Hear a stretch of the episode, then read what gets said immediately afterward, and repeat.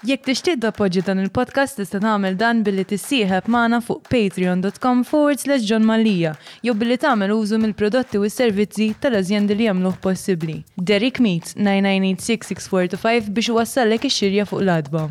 Mill-ħobża ta' kuljum sal-parti tal-preċett Better Call Maple. Tutu 581-581. Pinta stretta, pinta pjaċir. Kutriko for heating, ventilating and air condition services. Garmin minant il-Metcoms tal-Gżira.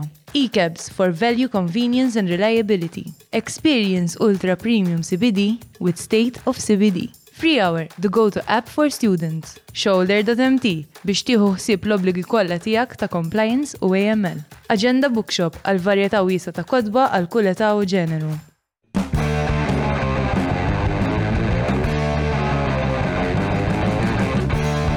Bil-defa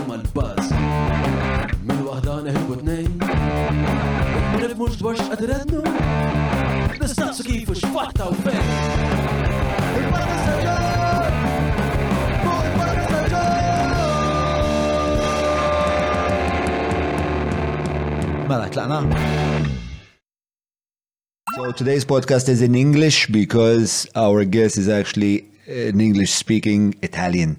Uh, his name is Giovanni Kessler. Uh, most people might have heard of that name because he was the lead investigator in the John Dalli snus case. He was also the head of Olaf at the time, but the man's history doesn't end there. He was an anti-mafia prosecutor. Um, he was also part of the Italian parliament at a point. Uh, we're going to discuss, you know, the intricacies of the John Dalli case, which are indeed uh, very detailed and very complicated. So you're going to pay a lot of attention here today. Um, I've had a preliminary chat with Giovanni very very interesting before we get started i would like to thank our sponsors for making all of this possible uh, i'd like to thank maypole derek meats free hour stretta beer Kutriko, Garmin, thank you, uh, ECAB, State of CBD, Shoulder Compliance, as well as Agenda. Um, Thank you also to our patrons. Your support is like indispensable. I can't explain how much we value it. It's patreon.com forward slash Jon Mallia. If you want to become a supporter of our project, uh, follow us on Facebook, Instagram, TikTok, and all of that stuff. And may I remind you that this show is also being broadcast on Lovin Malta. Good evening, Mr. Kessler. Good evening, John. Thank you very much for uh, for giving us uh, your time. Um, I think let's just give let's just give the audience some context. Uh, what brings you to Malta this time around? I believe it's the second time here in Malta. My third time. Third, okay. But actually, all the three times, it's because of an investigation, uh, because of the case of John Dalli, who, who we have to investigate because there, was, there were allegations of corruption of John Dalli as a European Commissioner. Right. So yesterday I, I gave my testimony in the court in in the case of uh, of the corruption of uh, They tell me to move the mic a bit closer to you. yeah Is that yeah? Yeah, like Is that good? Fantastic. Yeah, great. So 10 years after the end of the investigation, which, which we reported in October 2012, actually, 10 years after uh, Maltese Justice uh, started the. To turn its wheels painfully. Yeah, quite painfully and late, which is not good for, for anybody, actually. But okay, so finally, uh, the case is in front of a court. Right. yesterday I was here for the testimony, for reporting about the investigation, about the facts, about the evidence uh, that we found out uh, back 10 years ago. Is that is that a hard thing to do? Like, I mean, obviously you must have like very detailed reports of what you found, but some stuff you're gonna have to work off memory or memory and, and, and study. Uh, of course, I had to study to plunge back into into the sequence of facts, time, dates, connection between facts. Uh, investigation is like this. Uh, Yeah. You have to remember. So you have to connect facts. You have to to list the facts, the events, but then you have to connect them and to, to find explanation uh, and, and so on. So you have to, to be quite precise, very precise actually, detailed, and uh, Because it affects the whole credibility, right? Yeah, indeed. Uh, but actually, that's uh, that's for all investigations. Actually, Sure, yeah. When when you when you search for the truth, you have to find out what really happened and was what was behind the facts. You have pieces, pieces of evidence like pictures, recordings, something which appears, but it's not enough. You have to to understand, to connect, to draw conclusions. So let's give the audience a bit of um, context. Let's frame the conversation a bit. And I think there's two, like, there's one important point, of course, that is going to anchor this, which is um, what is Olaf, like, and what is its job, and what was, you're obviously the head of Olaf. And, like, what was your role as the head of Olaf? Yes. I was the head of Olaf for, for seven years. Um, Olaf is the uh, European Anti-Fraud Office, uh, which is part, is, is an office, is, a, is a Directorate General of the European Commission, but it's actually something very singular and unique. It's an independent investigative body, the only independent investigative body of the European institution, with a double function the so-called internal investigations, that is the investigations on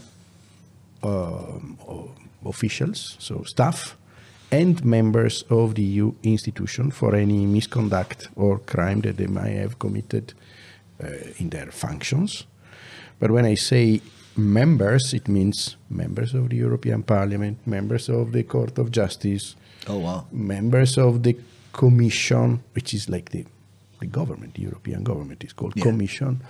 So, uh, and then uh, officials, which means the 30,000 staff uh, of the commission, when there are allegations of serious misconduct that they might have had in, in their in their job, in their in the exercising their functions, and that's one function of Olaf, and the other one, which is connected but it's not the same. It's uh, mm, investigating on frauds and corruption affecting the financial interests of the European Union. That is, uh, frauds, corruption, uh, which happen uh, in the expenditure of EU funds, uh, or also in the, for instance, um, customs frauds, because customs duties are European revenues, so- Right. and, and the frauds are quite rampant actually.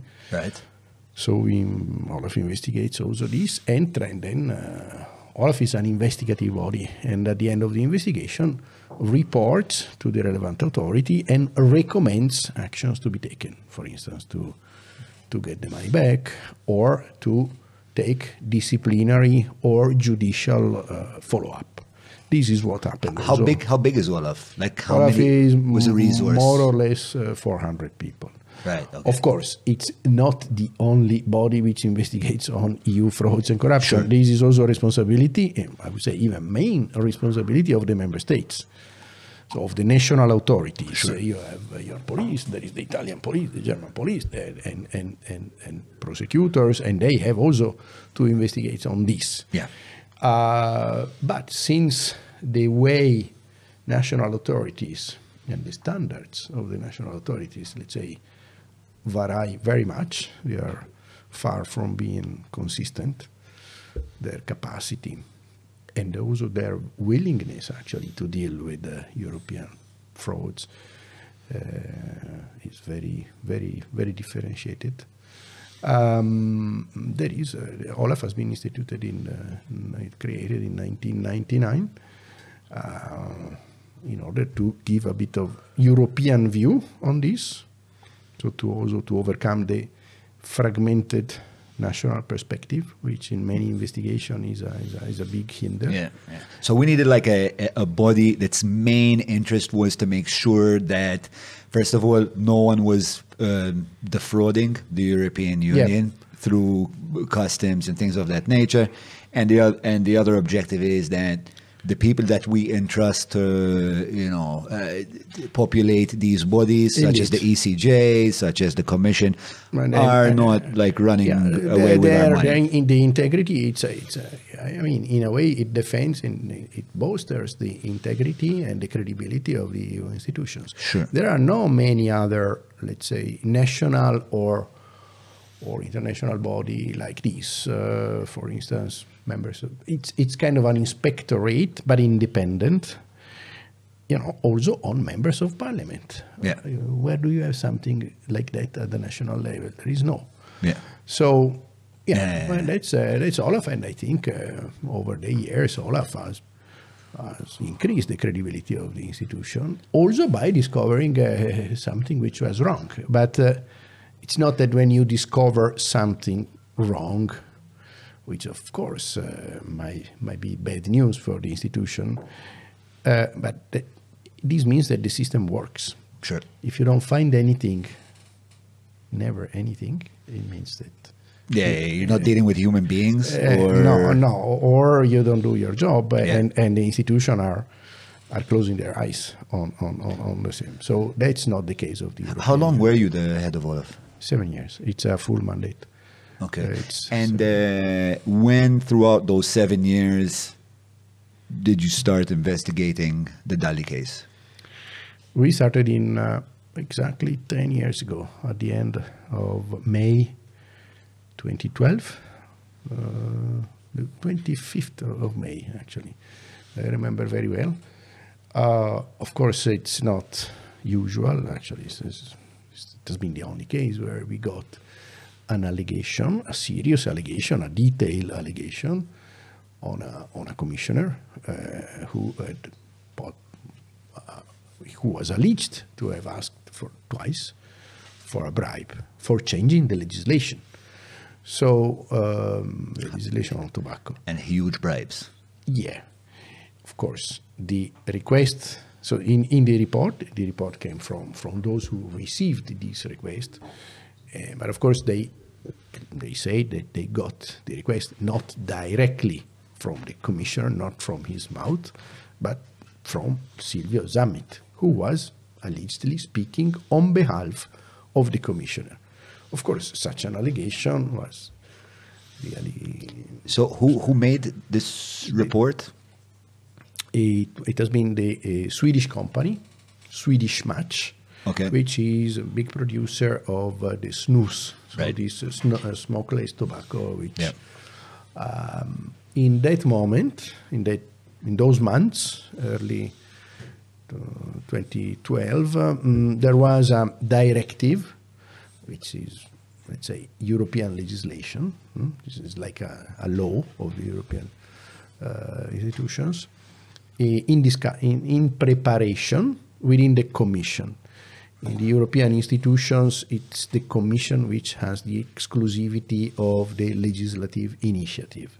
Right. So the Commission was preparing a new tobacco directive, Right. which was meant to, to be tougher on uh, tobacco. Mainly, it, it addressed actually the smoke tobacco, actually. So, but that was the moment and the context. Uh, and um in that context, the producer of uh, snus tried to get a, an amendment in this legislation uh, which would have lifted the ban of, uh, of selling the snus. Snus is banned in European Union. Right. Uh, and of course, this is a big, say, damage for them. They feel it as unjust, unjust, because certainly smoked tobacco is more dangerous than, uh, than the snus, but that's the legislation. So they tried and they wanted to change, uh, so to up to, to take advantage to the fact that they, did- there was this uh, discussion in place. And it's like it's like quite rare that these policies are changed, right? Well, uh, Or reviewed. It is, but it is possible. It, it, it, it, was actually the second tobacco directive, so which would have changed the, the one in place. Right. Mainly, it was, it was addressing the the, the smoked tobacco. But they they saw it as an opportunity Uh, of course, to come in, of course. and Of lift. course, because it of course, opportunity. if they lift if they lift the ban on the rest of Europe, all of a sudden, so just just to so audiences understand, snus is only available in. It, it, it comes out of Sweden, but it's also available in other Scandinavian countries like Norway, that's not EU, Finland, and some well, small markets compared to the rest of Europe, which is 400 million people. And they wanted to, I mean, they had an interest, obvious financial interest.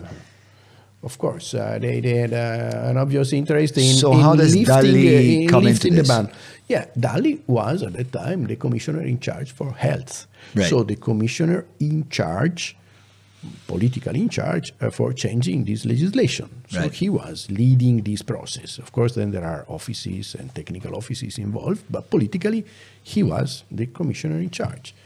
so, So, the story starts here, right? With for you at least, This- uh, with receiving a, you receive a report, Yeah. from Swedish Match. Actually, the, the report I received from uh, uh, the Secretary General of the Commission, uh, that is from the Commission, because Swedish Match uh, in May uh, sent the report to President Barroso, Okay. not to Olaf, actually. They sent it to Barroso, Right.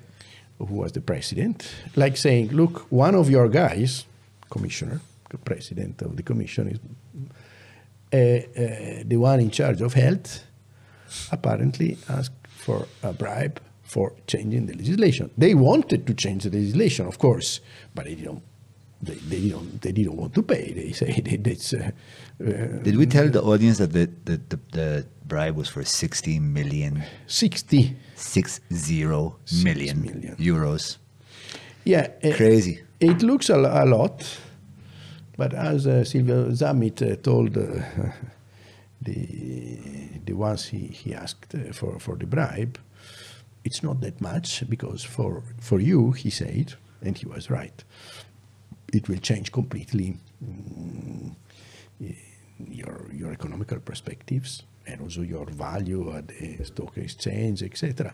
Because you can imagine you produce uh, something like the snus that you can sell only in Sweden, eight million people, and okay in Norway, uh, four or five Uh, million four or people. five, yeah. Uh, um, if if the ban is lifted, Yeah. you can sell the same product to more than 400 400 million. million people. Yeah. So it's a huge change actually because there are no other producers out of out of Sweden. So for them it would have been a huge change, a huge gain, and uh, So you receive this, uh, you receive this report. yeah, What, what do you do with it? yeah. Alors, the report uh, was uh, quite detailed and um, and worrying, uh, worrying for the Commission, also politically. Can you imagine President Barroso? What what could have been told?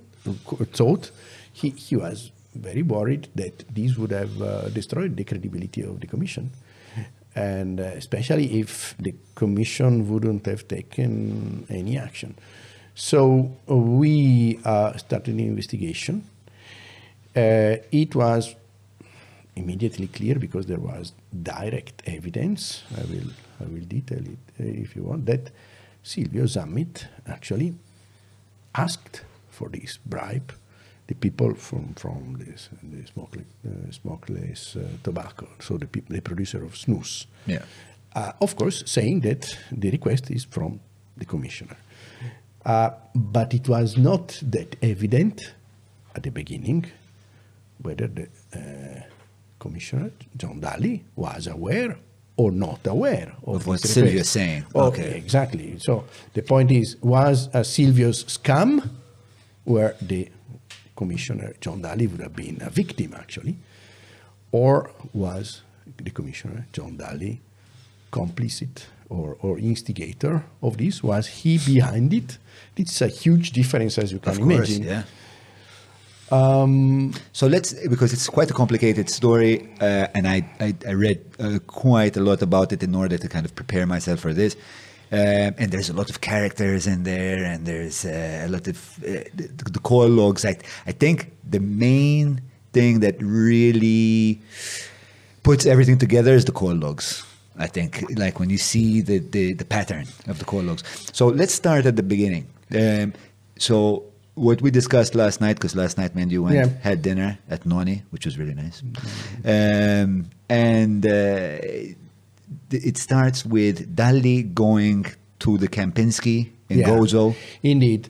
It starts with what? Uh, there is a very, let's say, improbable, uh, um, improbable person, Silvio Zammit, who is the owner or the manager of the, was the owner or the manager of the Peppi's kiosk in Malta.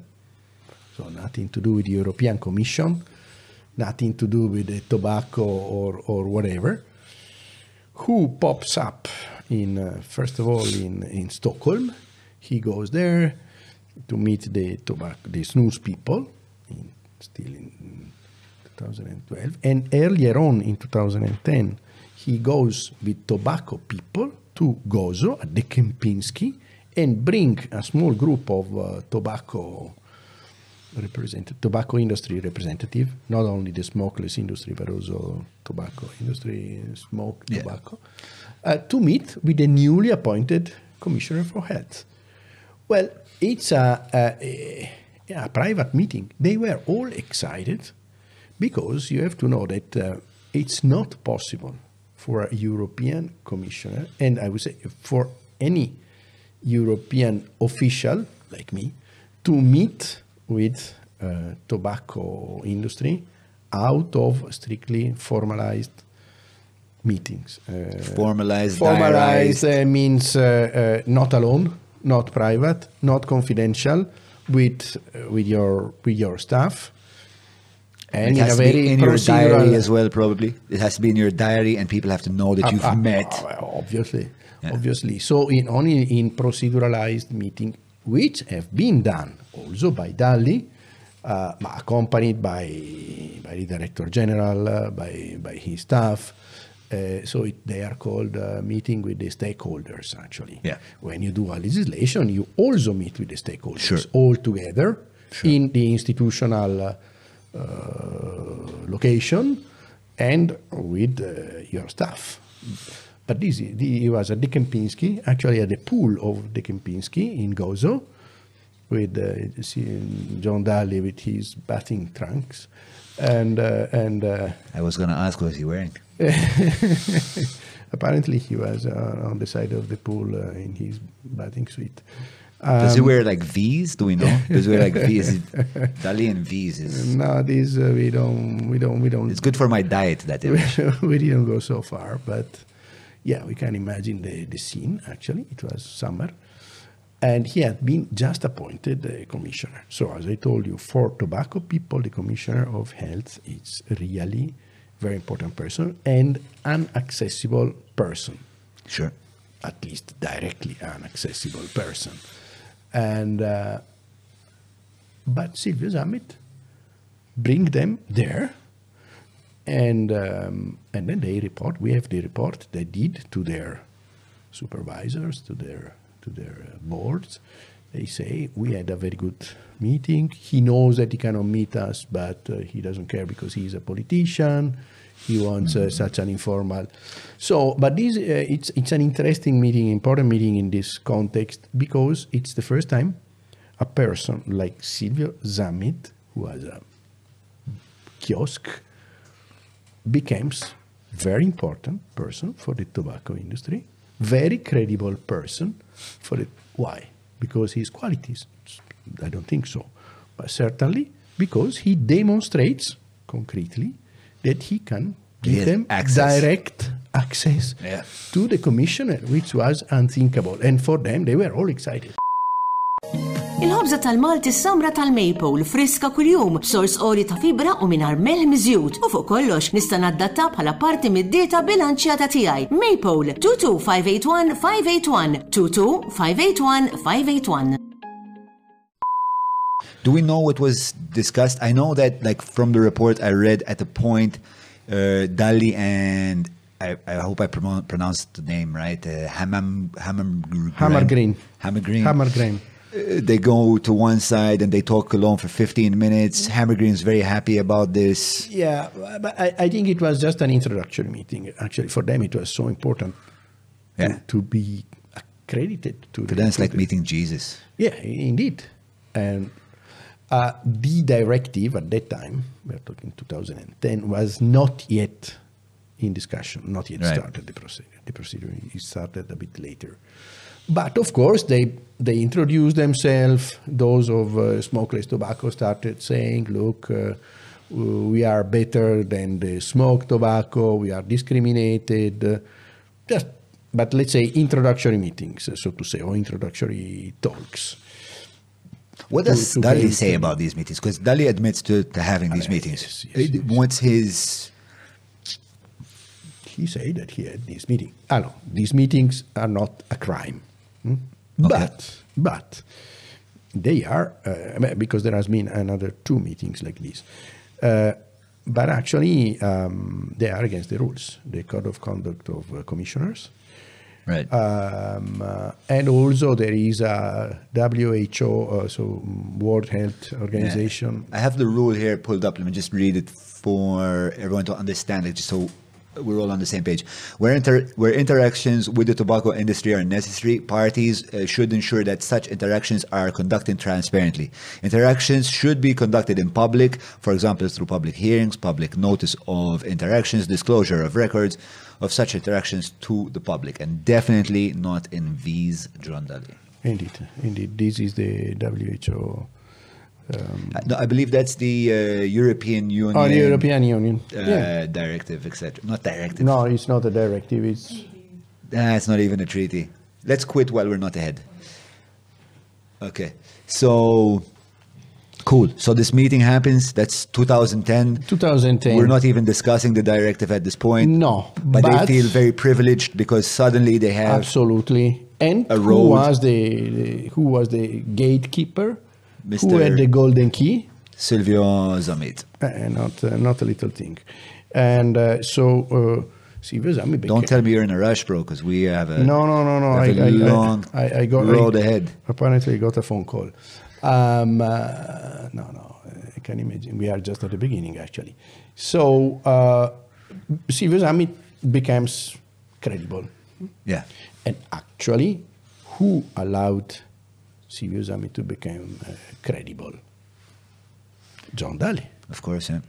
in, in front of the of the tobacco the tobacco people.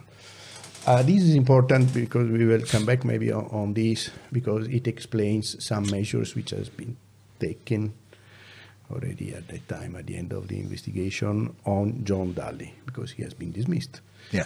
uh, by by the, by the president of the commission. Um, then we have uh, it, at the end of 2011, we have um, again Zammit who goes, who flies to Stockholm and meets with the smokeless tobacco people who are in Sweden, uh, the snus people. He has a lunch, and because at that time the directive was on its way. Right. Okay.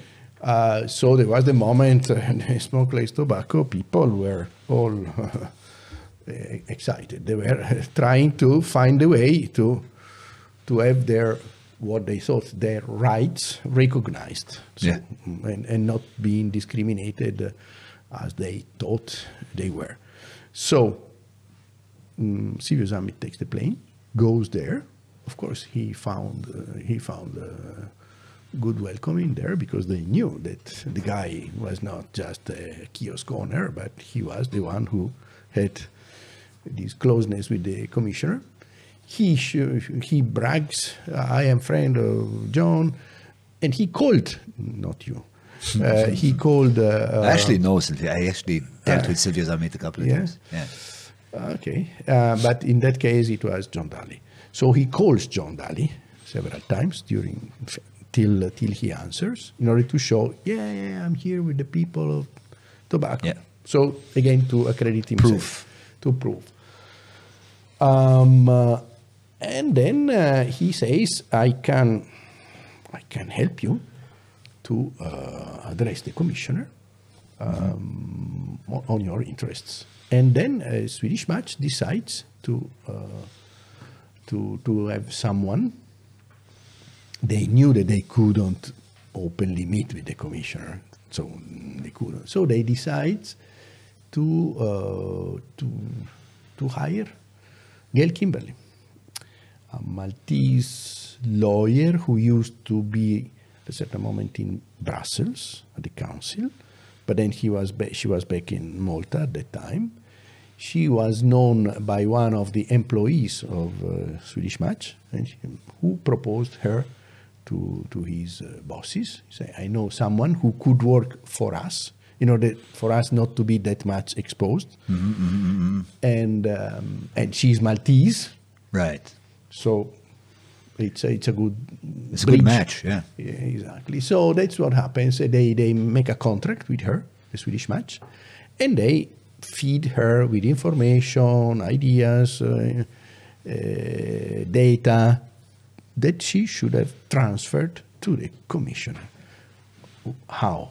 Through Silvio Zammit. And indeed, Silvio Zammit organizes a meeting the 6th of uh, January 2012 between Gayle Kimberley and uh, the commissioner. So uh, it's a meeting uh, of three people actually. So the Silvio, John Dalli, and Gayle Kimberley. Can I just question? So, what's the reasoning for Swedish Match not to employ Silvio Zammit directly, given that he was obviously so credible as a source into uh, the commissioner's life? Zammit was kind of a middleman. Right. Actually, he was, I mean, they needed someone who had a bit of culture close to the, I mean, a lawyer like Gayle Right, Kimberley right, was. right, right, right.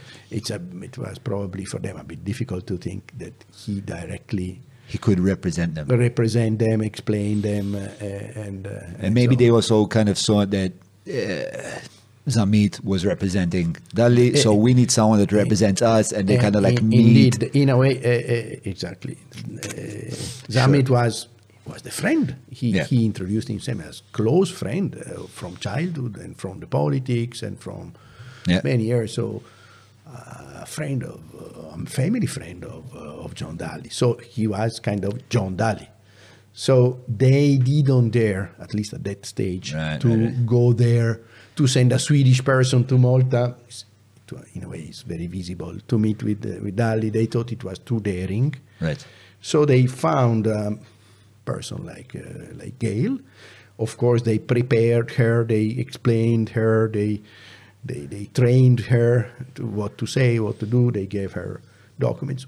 What she what she did on the sixth of uh, of January, and of course, it was a very say focused meeting at the time, because the focus was lifting the ban. Right. Uh, differently from the uh, Introduction Kem- one and the Kempinski, which is like- Not now uh, things were a bit more. So they, they, they submit data that uh, in Sweden, for instance, there are less cancer, lung cancer than in the rest of Europe because all the people have the snus and not. Is it an actual fact, though? yeah, That's correct. Apparently, yes. Can you check that out? You, you can you can check. Yeah. That's Hey, what they- we'll, we'll, we'll have a look at. We can keep talking. That- we'll have a look. That's what they claim, uh, but uh, uh, because there is very little uh, smoke of the tobacco. there. Okay, I think I, I caught Adele uh, daydreaming.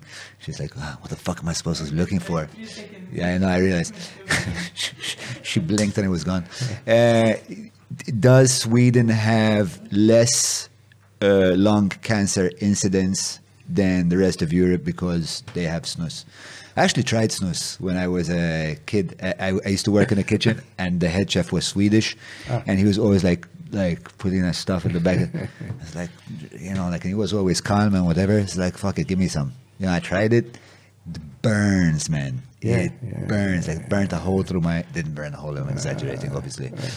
But yeah, Indeed, indeed. Uh, I also tried because after months of investigation on snus, which I ignored completely, actually, I didn't even know what it was initially. Didn't even know that it existed. I tried once, but actually, uh, it's nicotine anyway. Yeah. It's nicotine, and it goes in the blood uh, quite quite soon. The difference with this cigarette is that uh, it's smokeless, so there is there is there is not the damage of the smoke. Right. Because with smoke or burning tobacco, you produce other substances. Yeah. But right or wrong, uh, even Yeah. the For you, it's not like this. no, Not no. European Court is just context, but the European Court of they went to the even to the European Court of Justice, uh, the producer of snus, in the past, and they say it's unjust that tobacco, so cigarettes, which are definitely more dangerous for health than the snus, are not prohibited, and we are prohibited. Um, but the court uh, rejected the claim and say, okay, they might be more dangerous, possibly, but it's not a good reason for something which is dangerous, like like the Snus. snus, not to be banned. So they felt i they were in these conditions. So Yeah. for them, the the uh, the directive, which was in preparation, was let's say the last uh, wagon to to you know to jump on to to to change things, to Yeah. change dramatically and in much better shape Yeah. for them. okay. So we have some statistics here. Um, the, the, the can- lung cancer death rate in Sweden is len- less than half the EU average. It Oh. also has the lowest rates of oral and pancreatic can- cancers in Europe. Oh wow. Okay, so there's a correlation there, but the correlation is not a causation. So we'll have to look into this a bit deeper. But yeah, it's definitely a good hypothesis. No, ma, I mean, I, I'm not. Uh, I, I'm a lawyer and I'm not a doctor, but it definitely it's rather intuitive. Uh, uh, Yeah, there yeah, is yeah. nicotine, nicotine in both, and Right. nicotine is no good, so Correct. bad. But in the cigarettes, there is not only nicotine, but it's burn. burning, yeah. Uh, The It's burning uh, produce, uh, yeah, and then it pro- exactly. Then it produces also some substances which are only produced by by burning tobacco. So, uh, So- both are, let's say, dangerous for health. But one is more one is more dangerous. But it's it's a, let's say it's purely context. But it's just to to put yourself in the in the shoes, Shoes of, of of the Swedish produ- exactly snus. snus producers. Let's uh, let's go back to the main story. yeah, yeah, yeah. Um, so uh, Gayle Kimberley meets with In Malta, In Malta, Porto Maso, in actually, Porto Maso. uh, the office, or, or, or, or he's got like a home. I think it's a home I've seen office. it in a documentary. Pretty, pretty nice home. Not gonna lie, with a piano in there. Yeah, John Dalli. Uh, so he meets with John Dalli. In Porto Oh, Maso. sorry, rather she meets John Dalli and Silvio Zammit is also there. I'm absolutely, assuming. they Yeah. yeah, absolutely. The three of them, actually, Silvio Zamiti is always the middleman, but they meet on the Right. 6th of January 2012, and she produces this kind of uh, statistic that we have just seen in order Right. to convince him that they were on the right, uh, let's say, cause. So it was okay. So uh, and then she reports back. We have the reports, written reports that she Right. that she wrote, that the commissioner was open, and so on and so forth. So then she has been then instructed by Swedish Match. Okay, let's make a step further. Right. Uh, ask for a second meeting, and then they put uh, specific questions, not just inform him on how good uh, snus is uh, uh, vis-a-vis tobacco, so vis-a-vis Smoking cigarettes. tobacco, yeah. Um, but what can we do for lifting the ban? So, very who, who with whom we can speak in your cabinet? Which countries are uh, your enemies, or which countries mem- member state are Supporting this. supporting? So very specific, let's say yeah. lobbying questions, so to say. Um, five questions. Um, because she acted as instructed by, by, by Swedish Match. Fine. Then she reports. We have all the emails. So this is not only the statements made by Gayle Kimberley, but also we have the exchange of email and we have the statement also of, uh, of his referent in Swedish Match. And they should have met on the 10th of February, which is an important date in, Yeah. in Malta. Uh, again in Porto Maso, again in the same format.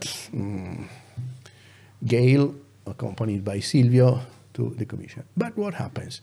Few days, two, two, three days before the meeting, uh, she was supposed to have, Silvio says, Commissioner doesn't want to meet you, want on, only to meet with me. So she prepares these questions in writing. She gives the, the, the, the, the, sheet uh, with, the, with, the, with the questions to, to Silvio. I say, put this question to the commissioner. Uh, Silvio says, okay, I will do, and, and then I will call you and we will meet. They, he calls him, her back, uh, on the 10th, uh, midday. And it's after supposedly having had the meeting because we were not there, uh, we don't Right. know. And, uh, and Gayle was also not there. Um, and then Silvio says, okay, and gives back the, the piece of paper, the document with the, Right. with the, with the questions, uh, with some handwritings, but from him, it's clearly from him, not from the commissioner. Would have been good, but from, from our point of view, but it was not. So, uh, for instance, it writes France is one of in, in handwriting. Could be the country which uh, member state which could help. Uh, um, and then there is pro- what can we do? That was the question. And the answer is uh, lift the ban. Uh, okay, handwritten by Silvio. Now, Yeah. and then Silvio says, okay, but all this can be done if you pay 60 million. Uh, 60 million. Of, of course, uh, Gayle Kimberley uh, um, couldn't answer. Uh, and, and then Silvio says that's the price he, he asks for. So she calls immediately back to Sweden, say, she doesn't even dare to say 60 million by phone. She says maybe someone should come here. There is something We need to discuss. to discuss. She, she, the, the, the- witnesses, so the people in Sweden tell, told us, they felt she was uneasy at the phone. They understood that there was something strange going on Sure. from the way she spoke. So they sent um, Mr. Gabrielsson, who was the referent of, uh, of uh, Gayle in, in Swedish Match, uh, to here. And on the 13th, they meet at the Peppi's kiosk, Right. Gail, Gabrielson, and Silvio. And Silvio repeats very clearly, very, you know, the way he spoke uh, at length, actually. Uh, 60 millions. Of course, the, this employee of Swedish Match was a bit uh, astonished. Uh, he, he answered, but this is, I don't think it's uh, the, the, the Swedish way. But Silvio was trying to convince, but what is, what is 60 million? It's for you, you will gain 500 millions. Uh, and, So he uh, selling them on the idea. Absolutely. Yeah. And this is the price he wants. He also said, you know, you have also to consider that he is Ali, uh, let's say a courageous person, he uh, a daring uh, politician. He already uh, authorized. He was the first, and that's true. Authorized the first GMO, gene- genetically modified. Uh, so potato actually, which you know it's a very controversial issue in Europe. But he took this decision, so he and that's what uh, he tells um, Gabrielsson at the presence of Gayle. But if he takes this decision, he will pay it politically, the decision of lifting the ban on snus, and he has to think about his pension. His, uh, so he, th- that's why he needs the 60 million in a way. That's how Silvio sold it. Okay, so we have, so from an But before we go forward, hold Yeah. on a second. So first of all, does everyone out there have beer? Everyone got beer? Beer? No beer? We whiskey? Get them stratas. Uh, it's it's because it's warm out there, like cold beer. Um, secondly, did the meeting actually happen? What do we That's- know? That's exactly the point. So we are in an investigation. What I'm referring to, just in case people are lost or a bit confused, when Silvio told Gayle, listen, I'm going to go meet John Dalli. You stay out of it, give me the questions, I'll ask the questions, and I'll give you the answers. Was Silvio Zammit bluffing about meeting John Dalli so he could make 60 million? Or did he go to meet John Dalli? That's exactly the question that we put ourselves because we found ourselves at a certain moment in the investigation where we have the, the, the evidence from Gayle Kimberley, so the statement of Gayle Kimberley, the statement of Gabrielsson, hmm. So for sure, Zammit asked this money, Right. and saying that the, the request comes from the commissioner. Correct. But actually, we, we asked ourselves, how can we prove that the meeting has happened, had happened? Uh, it, and, and this was the main, at a certain, from this moment on, the main question of the investigation to be answered by the investigation is, was Silvio Zammit bragging, pretending, lying? Was uh, Silvio Zammit's scam? So selling, in a way, the commissioner Yeah. for his own interests? And that's one type of crime, but where uh, John Dalli would have been the victim of a crime, not the, the author of a crime. Or was John Dalli part of it, instigator, complicit of it? So that was the, but you can imagine an essential question because it changes completely the situation. Yeah. So we have to prove whether the meeting happened. Um, we, by the way, there is also a complication because Gayle Kimberley never told Swedish Match that two days before the meeting was supposed to happen, where she was supposed to participate, she had been told by Silvio, stay home. Yeah. He doesn't want to meet you. She didn't report this to Swedish Match because She lied. She lied to Sweden Yeah. she- because two days before she had told them, I will go to the meeting. Yeah. But then she didn't dare, or she decided not to report that she was prevented to go there. Why? Because she felt, or she, she was fearing that they would have said, okay, we pay you for doing this, but they, if they don't want you to, to, to be at the meeting, you are useless. In any case, she tells us so. So, because we interviewed quite in, in detail, tell us about this meeting. And after five minutes that we were interviewing her about the meeting, which we understood she participated because we had the report and the statements from Swedish Match who told us That's what she said. She was at the meeting, uh, of course. so we asked. The meeting is an essential meeting because it's the meeting where the request came Right. after which the request came, the request of a bribe. But then, uh, after five minutes, uh, she said, "Look, I lied to them. Indeed, I didn't. I didn't feel to to tell them. But in in a way, what what's the difference? I was not there, but I gave a piece of paper. These are the questions. Give me the answers. She couldn't imagine that at that very meeting, a request of a bribe would have come.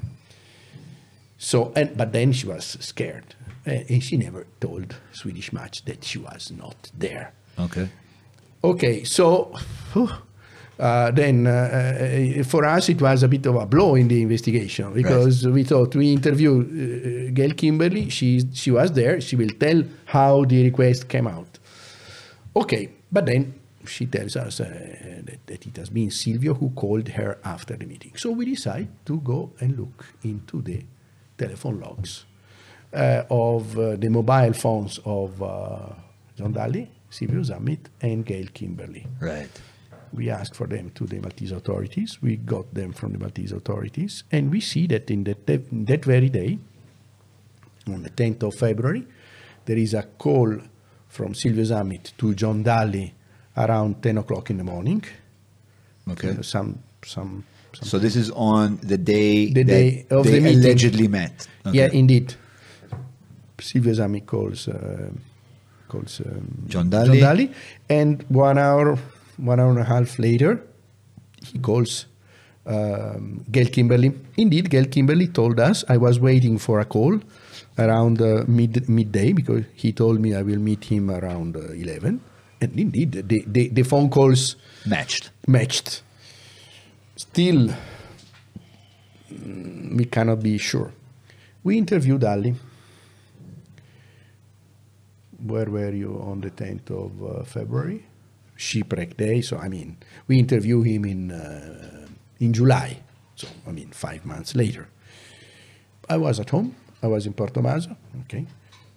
Have you met anybody? Did you go to the procession? I understood that there is a procession or something like that. No, no, I didn't go. Yes, please. I, I didn't go to the church. Uh, I stayed home. It's a family. You met with anybody? No. You met with uh, Silvio Zammit? No, Silvio Zammit is a friend, but then he sa- initially he, he says, no, no, no, no, I didn't meet. Then he says, I don't remember. Okay, but still. uh, so no outcome for the investigation. To answer the main question, What was uh, this? This was the first time that you met John Dalli. yes, actually, I met John Dalli. it's a bit uh, comic. I, didn't even know of his existence. Uh, I must admit, there are twenty commissioners, but the commissioner health is nothing to do with me, and I didn't know him. But at a certain moment, I had to inform, according to the to the procedure, to inform him about the ongoing investigation on him. Normally, we send a letter. But can you imagine? We send a letter. If I send a letter, my secretary, my archives, his secretary's archives, cabinet, at least uh, seven, ten people would Yeah. would read it. You are under investigation for a bribe. The, the letter would get to Politico before it would get to John uh, Dalli. uh, for sure, for Yeah. one hundred percent. And then a big scandal would have. Can you imagine? Then it would have had a very bad impact on John Dalli's reputation. So you were concerned for at this point. You were concerned at not damaging John Dalli's reputation. absolutely, absolutely. Honestly, if I have to tell you, at that moment I thought it was Silvio bragging, pretending. It was too big for me to, you know, To believe. yeah. Okay.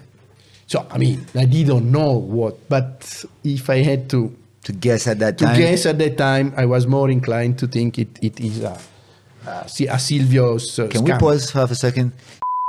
Mawra sal-ħadnu ta' Derek mux tranzazzjoni kif ġipu laħa, fejn apparti tinqeda blifjen kwalità se tiġi mejjun sabiex issawar l-arfin tiegħek dwar dak li qed tiekol u titma' lil familtek. Biss jekk m'għandekx il-ħin ta' disa fejnhom il-belt, ibad WhatsApp lil Derek fuq 9986-6425 biex waslulek ix-xirja fuq l-adba. And so I decided to go to inform him. Yeah.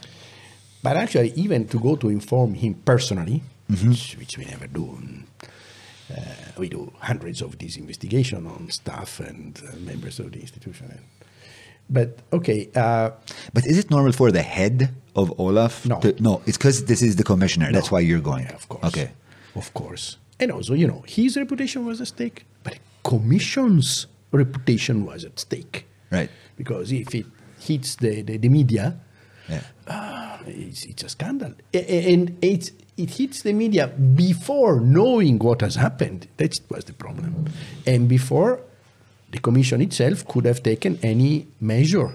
Because if they know, don't know what is really happened, Yeah. whether the commission was victim, the commissioner was a victim or was an author of the, and there is a huge difference. You cannot take any measure. So it could have been really risky for even for the existence of the commission. You know that uh, in '98, a commission Santer blew up for much more little scandals actually, which had not been properly addressed Yeah. at that time. Let, us not go into Santer, but look at look into the Santer Commission. Um, it was, uh, I believe, Jacques Santerre was the name. Yeah, he I was the guy. He was like head of commission, and like all like they had to resign en masse. There was so much corruption. They- no, but it was really small things. It was so small things, clientelism, these kind of Yeah, things, nepotism, but which was not addressed properly. Right. So they didn't do anything. They underevaluated. And Barroso uh, didn't want one of those no, on no, his no, hands, not for sure. At all. So just find the. I- There is. I mean, you'll find a good resource online. I think I found the Boston Globe before I came here. But anyway, just put the link. It will be in the link, folks, if you're interested in some extra reading.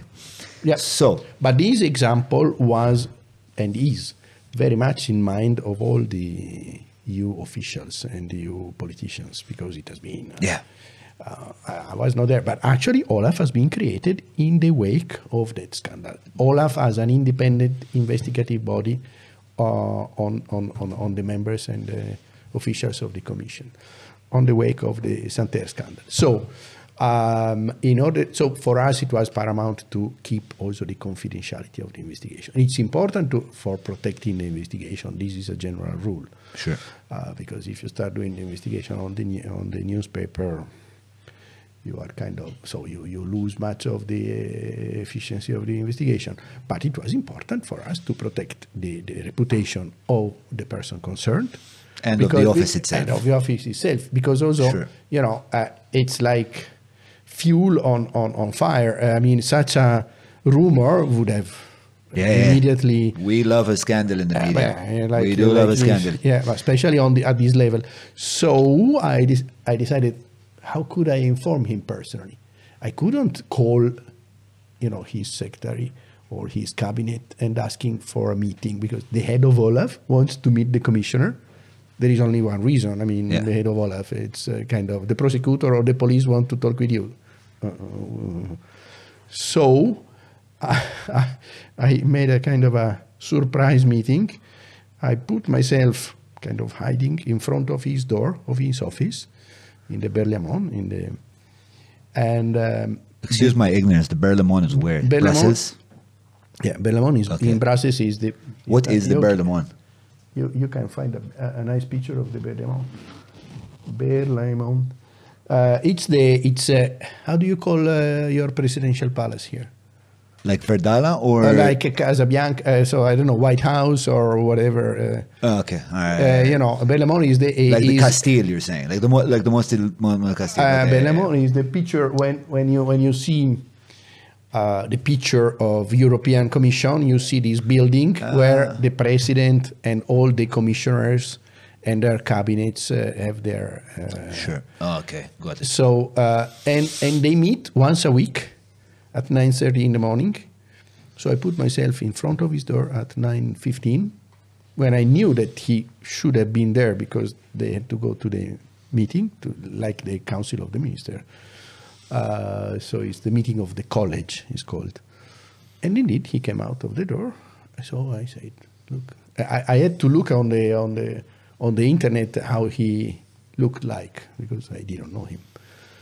I said, I'm the head of Olaf. Can we have a word? Yeah. And so we went in his office and I explained that there is an So just you and him. Yeah, yeah, yeah. yeah. Okay. An investigation, and uh, I explained quickly what was all about. So there has been a request of a bribe on your name, and we have to.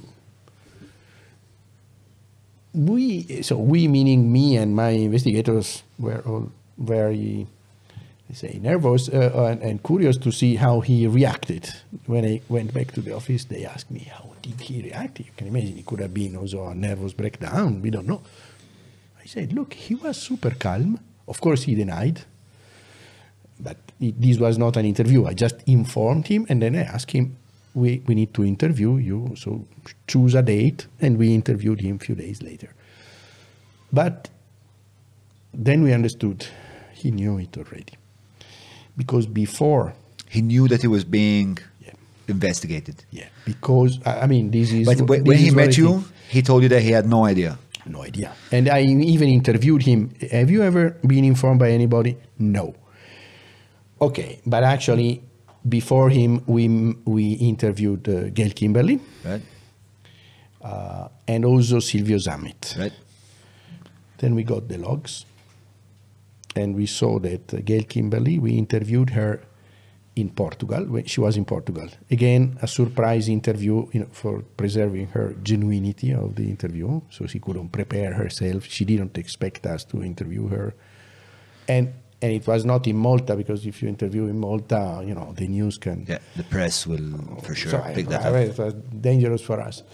Um, uh, but then we saw in the in the logs that uh, she called uh, Silvio uh, the day after being back, Yeah. and Silvio called John Dalli. Okay, we don't know from the logs what they what they said, but it's quite. I mean, Was it the same day that uh, Kimberley called uh, Silvio that he called John Dalli? uh, the day after. The day after he calls John Dalli. The day after he calls John Dalli. Uh, okay.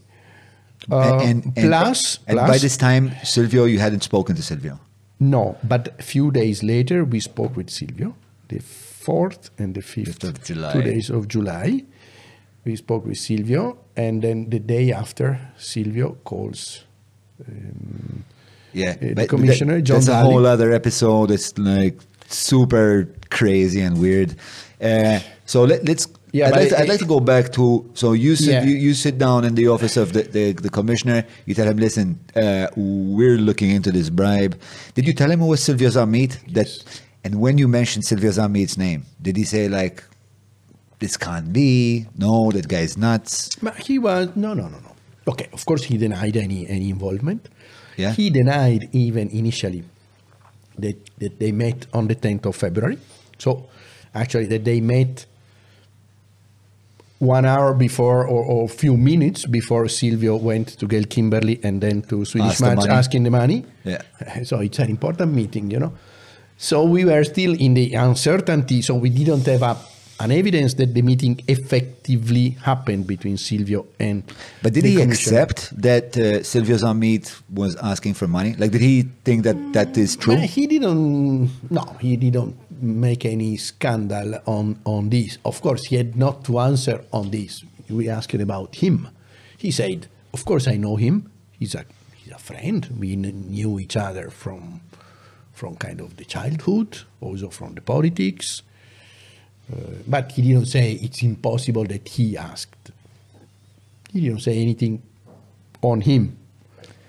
But he said about himself, I never met him on that day. No. And for sure, I didn't ask for 60 million. Are you Uh, crazy? Certainly not. Yeah. Uh, okay, so we were a bit stuck.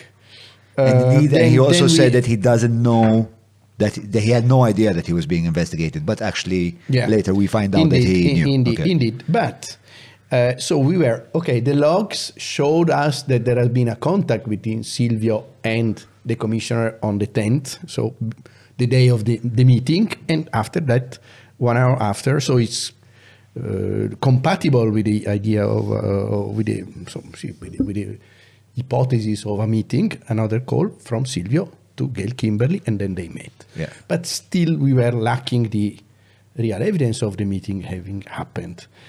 But then we got, surprisingly, the evidence of the meeting effectively happened between Silvio and the commissioner on the 10th. Few, so few minutes uh, before Silvio reported back to, to, to Gayle Kimberley the request of the 60 million. Uh, from whom? On how did we know it? Correct. 10, 15 days after the interview with the commissioner, still in July, the commissioner, the first interview with commissioner, where he said, first he said, I didn't meet with anybody, I was at home on the 10th. Then he said, we asked him, Have you seen Silvio? No, I don't remember. But okay. Then, 15 days after, he sends us a letter and he says, I effectively, I spoke with him now and I met him. I can tell you that now I remember we met. Why did he say so? Because, in a way, uh, that's an evidence against him. Yeah. Uh, at that moment, I think he knew that we got the logs. Um, I have a question about that. Yeah. Who do you speak to to get the logs? yeah, I spoke with Rita Schembri.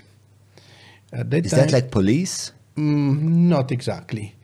Rita Schembri at that time, uh, she was the um, Maltese um, head of AFCOS. AFCOS is is a is a is a, an authority which has to be established in every member state Okay. to cooperate to interface with Olaf. Actually, uh, That's the sole reason it exists. yeah, yeah. Okay. Nor it depends on the member states. I don't know here, but normally it's attached to Minister of Finance, something like this. I don't know here exactly. AFCOS, A F C O S. Yes, exactly. Okay. Maltese AFCOS, and she was the, the head of it. And uh, she was also in our supervisory committee, so I knew her already. So I asked her, so if it is possible, uh, because you know, uh, so again, we didn't have any link in Malta. We didn't know police. We didn't know anything, and we didn't want to make much fuss actually. Uh, but this, uh, we found it the right way. I mean, we know her already, we trusted her, Yeah. and, and she was the head of an office, a small office, in charge of cooperating with Olaf, so she was the right person to, to do so. And after a while, she came back and she said, Yes, you can have it. So that's how you got the logs. Ma- Okay. make a request. Yes. So we got it from. Why do you assume that uh, Dalli knew that you had the logs?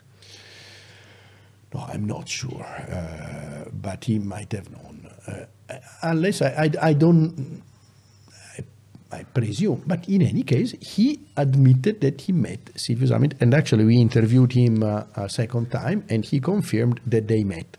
Of course, he says, we met, but we spoke about politics.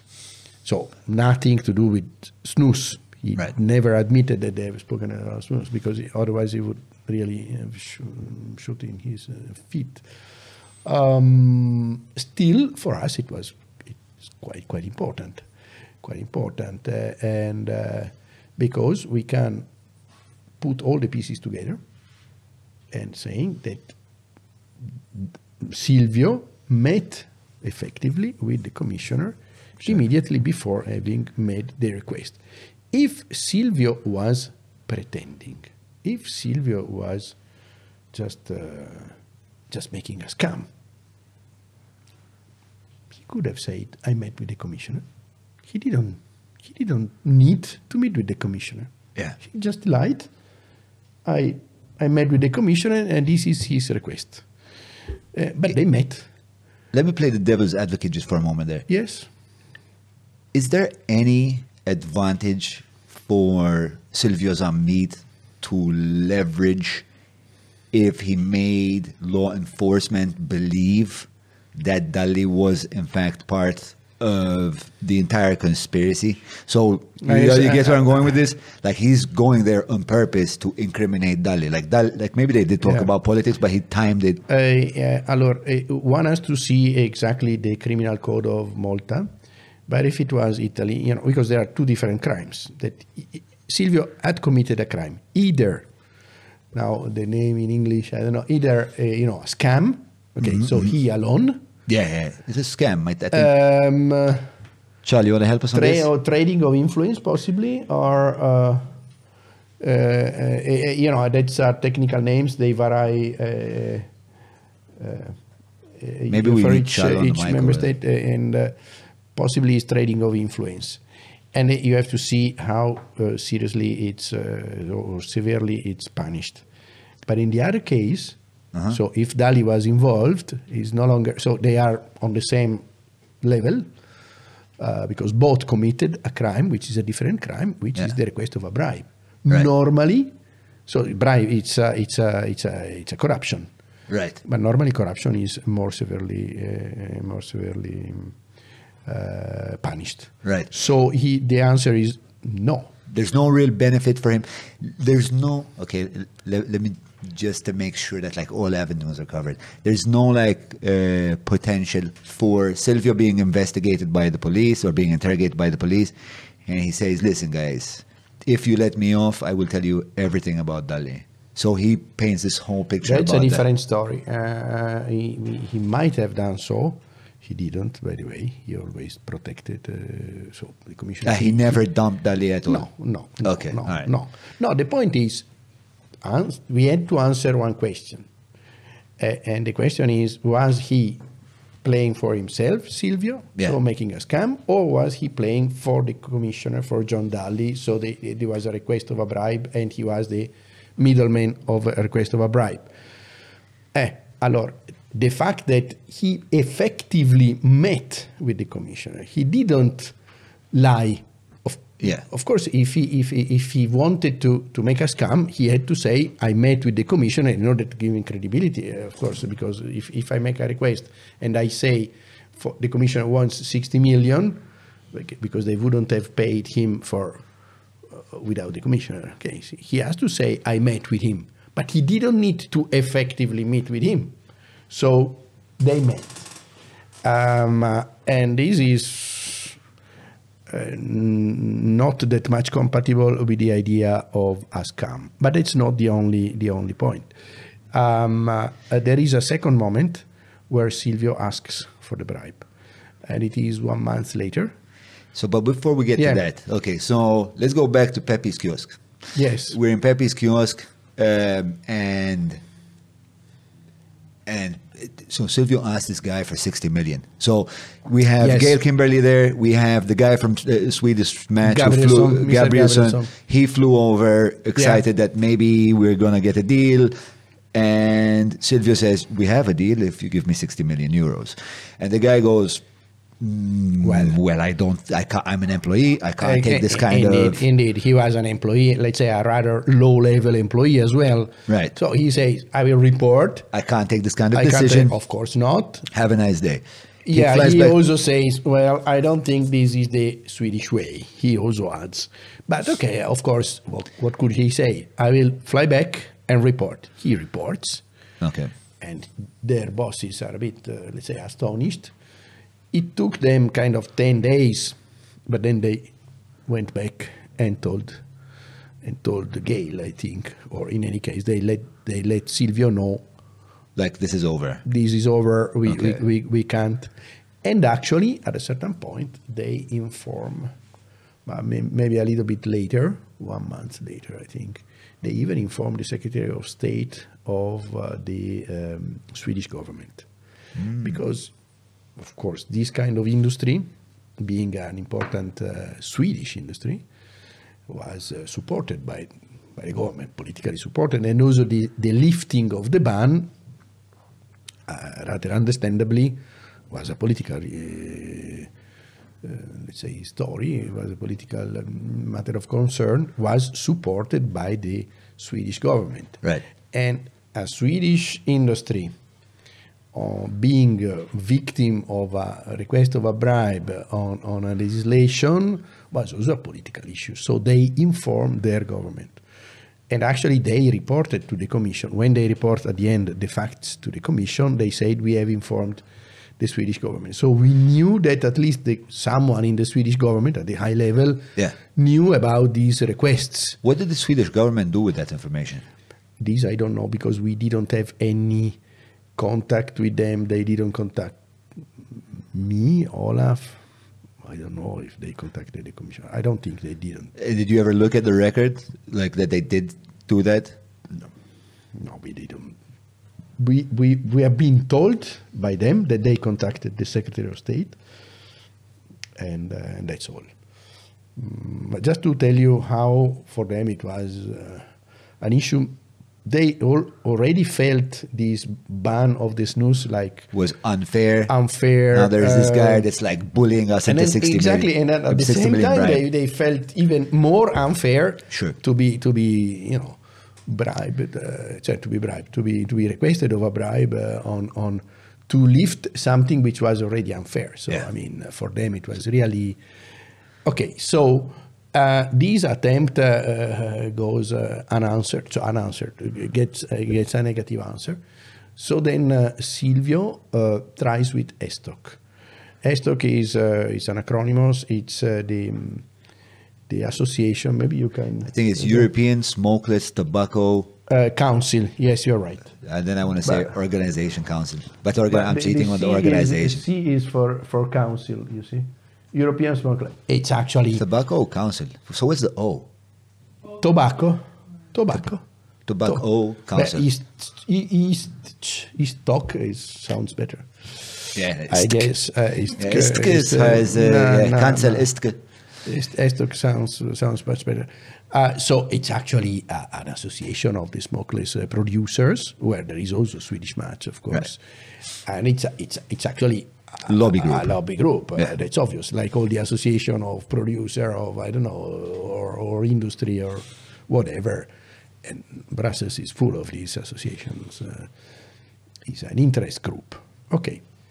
So Silvio, uh, in March, so I mean, two, three weeks later, and actually two weeks later after having received the negative answer, contacts them. They knew him already because when he went in uh, 2011 to Stockholm, he met also with them. He didn't meet only with the, um, uh, with the Swedish Match. And he says, I can offer you something very, very interesting. We have the trade of He email. doesn't give up, huh? Uh, but, uh, Tough uh, one. There is, there is, there is a lot at stake. Eh? Sixty million, why even, even less? It's, it's, it's, a, it's a good sum. And he knew their guys, his guys. You know, he knew those guys because uh, he knew that they were kind of desperate because for them mm, was really a, a turning point. Uh, this, uh, this directive and possibly the last possibility For a long to- time. For a long time to change, uh, you know, dramatically in, for the better their, their their perspective and their gains. So he knew this very well, and indeed he was right because they were all uh, excited, nervous, and um, and we have all the thread of, of emails, which is quite interesting. Uh, and at a certain moment, the employee, uh, the lobbyist, uh, in the, the head of the Brussels uh, office of ESTOC, uh, tells him, uh, "Tell us what you can do for us." And he says, "You can meet with in writing. So in writing, you don't put uh, much, but uh, meeting with the highest level of the commission and these kind of things. It will come with a price, and then she, she goes on uh, in, in, in the following days with emails, but also with telephone calls. What does it mean? And, and there is a certain moment uh, she says, uh, the, the employee of Estoc, um, in, in the email, we hear very bad rumors here because actually the finalization of the directive was, was on its way. Yeah. And apparently uh, there was no lift of the ban. So they, they, they were getting very nervous. There was no lift on the ban of the ban on the draft. Uh, that was indeed. So they were very like nervous. we have to do it now. Uh, uh, yeah, now Okay. or, or, or, or now. Yeah. Uh, so uh, she says, "Look, I need, we, we need to meet the commissioner informally again." And then we see that uh, Silvio, same day after having received the email, calls the commissioner.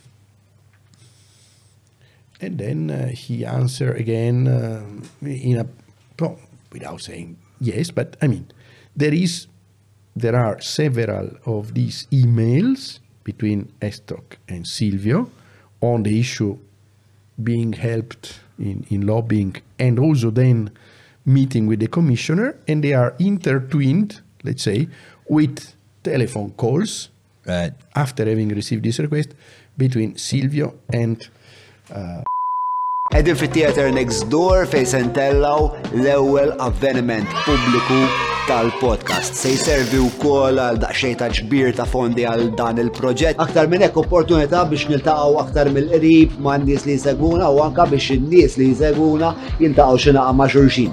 Tajba? Bro, isma' il-barbecue li samlu għaw.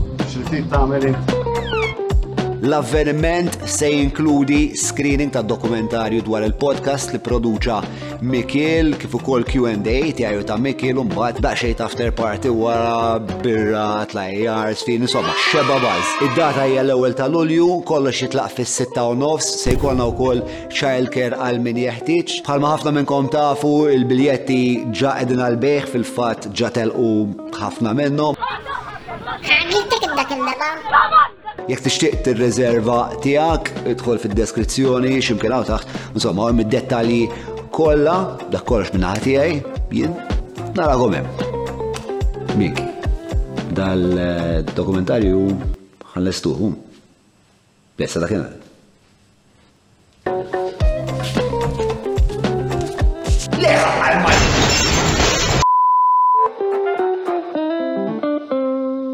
So Estoc are asking important like diff, like questions that Silvio can't really answer. He calls Uh, but, uh, the commissioner, especially at the end- You're thinking that he's calling and asking, "Listen, what are we gonna do?" Hangs up and writes back to Estoc. By the way, the people that he's talking to at Estoc, I, I, uh, Ingrid Del, Inge Delfosse. uh, yeah, she's high up in in Estoc. No, she's Not, well, okay, uh, yeah, she's an employee.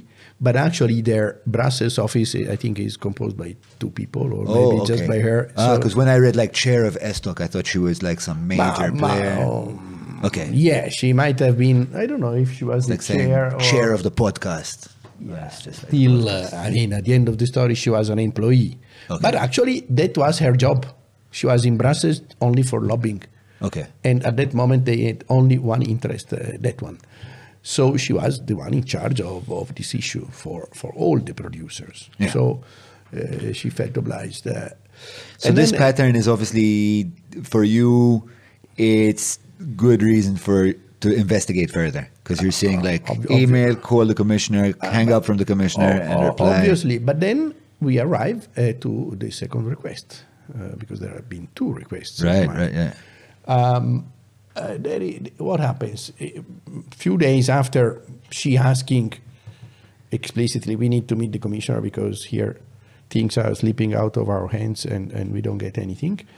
Um, he calls the commissioner. Okay, we don't know what he says, but um, uh, at a certain moment he calls. No, he, she calls him.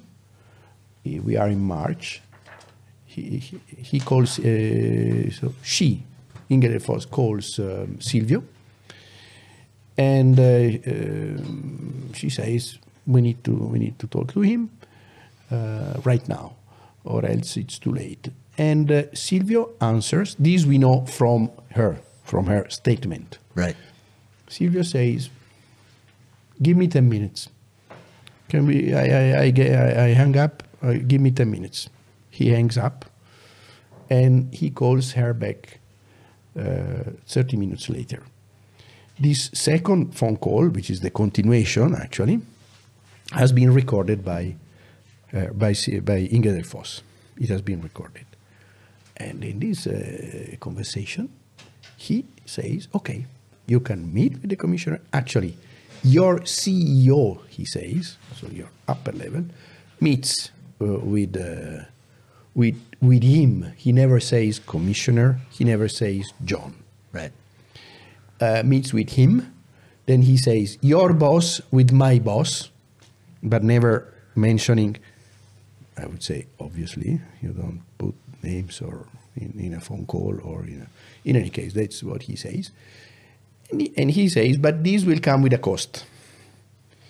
You will have to pay 10 millions after the meeting. After the meeting, he repeats after the meeting. That's super interesting. Uh, of course, when we read this, and then he elaborates, uh, he says they will meet in the top of a mountain in uh, in the middle of the sea because actually Yeah, CEO, uh, it's, you cannot uh, meet uh, with you can meet with Gayle Kimberley because you can pretend you don't know who who she is or you can pretend she's a Maltese uh, whatever lawyer who met with me but if you meet with the CEO of a, of a big company uh, tobacco company. It's really against any rules. And actually, these 10 millions apparently were the price for this meeting, but actually, eh, they were in a way, it's, it's not clear, but that's what the understanding, kind of a first installment. So the meeting would have been prodromic to the lift. Right. You don't meet just for the, for the sake of meeting, eh, because there they had to, to realize, to, to, to, to, to finalize. Um, so he says, that's the. Uh, Inge Delfosse at a certain moment says, 10 millions? Oh my God. Uh, so she, she's a Uh, is this when she says like I'm just a blonde? I need to sit down. yeah, yeah, I play the blonde. I, I have to sit down. No, uh, he says sit down, and she says I am already li- Lying laying down. down. Said- lying down. No, it's a, it's a, it's a, She it's was a- pretty cool under pressure, huh? yeah, absolutely. Can you imagine? Because she had to deliver. They Yeah. wanted the lift of the ban, and she was an employee, but she had to deliver. Are these transcripts public? Jekk tixtieq tappoġġi dan il-podcast tista' tagħmel dan billi tissieħeb magħna fuq patreon.com forward slash John Malija jew billi tagħmel użu mill-prodotti u s-servizzi tal-ażjendi li jagħmluh possibbli. Derek Meets 9986645 biex iwassallek ix-xirja fuq l-adba. Mill-ħobża ta' kuljum sal-parti tal-preċett Better Call Maple. Tutu 581-581. Pinta stretta, pinta pjaċir. Kutriko for heating, ventilating and air condition services. Garmin minant il-Metcoms tal-Gżira. E-cabs for value, convenience and reliability. Experience ultra premium CBD with state of CBD. Free Hour, the go-to app for students. Shoulder.mt biex tieħu ħsieb l-obligi kollha tiegħek ta' compliance u AML. Agenda Bookshop għal varjetà wiesa ta' kodba għal kull età u ġeneru. but they have been they are in the court. Yeah. And, and actually, when I came here last time for uh, Silvio Zammit uh, testimony, so in, in his proceeding, they have been even played in the in the court. And I think there were there uh, media people, and they have also reported on this. Mm-hmm. It's very nice if you could uh, listen to it. It's it's I didn't super, listen to it's, it's super interesting. Uh, but listen, the- because there is a recording. Yeah, I, I read the transcript, but I don't know if I. Ah, but if you I if should you, have if been you listen the- to it, actually, I listened to it uh, here in the courtroom uh, in Malta, but when I came here for the, the summit We should, uh, guys. We need to take a note. Let's find this. Uh, okay. find it. It's a it's a piece of. Uh, uh, it, it goes beyond the, the, the- let's say the evidence for a case. It's a It's a relic. yeah, yeah, yeah indeed, indeed. Uh, Museum so- piece. And, and it's also interesting that Inge Delfosse uh, twice says, "Okay, but you are telling me that John," and then she repeats John because, of course, they they understood all John. Yeah. Uh, but he always says, uh, "My boss, your boss." Okay, uh, and he he never. But okay, this is the price he is asking, and to be paid after. I mean, Yeah. if he was pretending, if it was a scam, you ask for the money before, the meeting. exactly, yeah. Maybe just one million, but but before the meeting Yeah. because if you cannot deliver. But actually, what we noticed also, and this has been a bit of a turning point, in the telephone logs, uh, as I told you, this has been an interrupted phone call. Because when she asks Silvio "Mm, by phone, we need to meet the commissioner, and this is not in the recorded uh, uh, part of the phone call, is in the first part. And then he says, okay, give me 10 minutes. He hang up, hangs up. And who, whom does he call? Because we, know, we know from the logs. If I can take a guess, can I take a guess? Yes. Can I say John Dalli? John Dalli. What do I win? Uh, uh, I mean, he wa- and he doesn't tell her later on, I have talked with John Dalli. So he was not pretending. If he was pretending, if he was a scam, what need would have he had to call John Dalli? He could have said, "Oh yes, John. I spoke with John Dalli," which he doesn't say because he is always protecting him. Indeed, if you are complicit, you don't say uh, by the phone, John Dalli. Uh, so, why on earth should have him called John Dalli? Plus, he calls, or, or John Daly calls him, they speak to each other, don't remember who calls whom, uh, Silvio and John Daly, one or two hours later, again. The telephone call in these 30 minutes uh, between the commissioner and uh, Zamit is rather short. It's few, so it's short actually. Uh, also because we noticed uh, in the same moment he had a meeting. He he was about to start a meeting. The commissioner, we know we, we know it from his agenda. Right. So probably it was not. uh, He he might have told him, okay, yes, but we discuss this later. This is what we can suppose because the logs are We don't have the no, no, transcript uh, like obviously not. So it's a very short call, Yes. like 10 seconds? Yeah, 10, 15. Yeah. Okay. Uh, but actually, it happened. Probably he has told him, "Look, I am uh, entering a meeting." It was a few minutes before three o'clock, and we knew that at three o'clock he had an important meeting. And then he, Dalli, calls Silvio back one hour and a half, more or less, later. So probably when he has finished the meeting.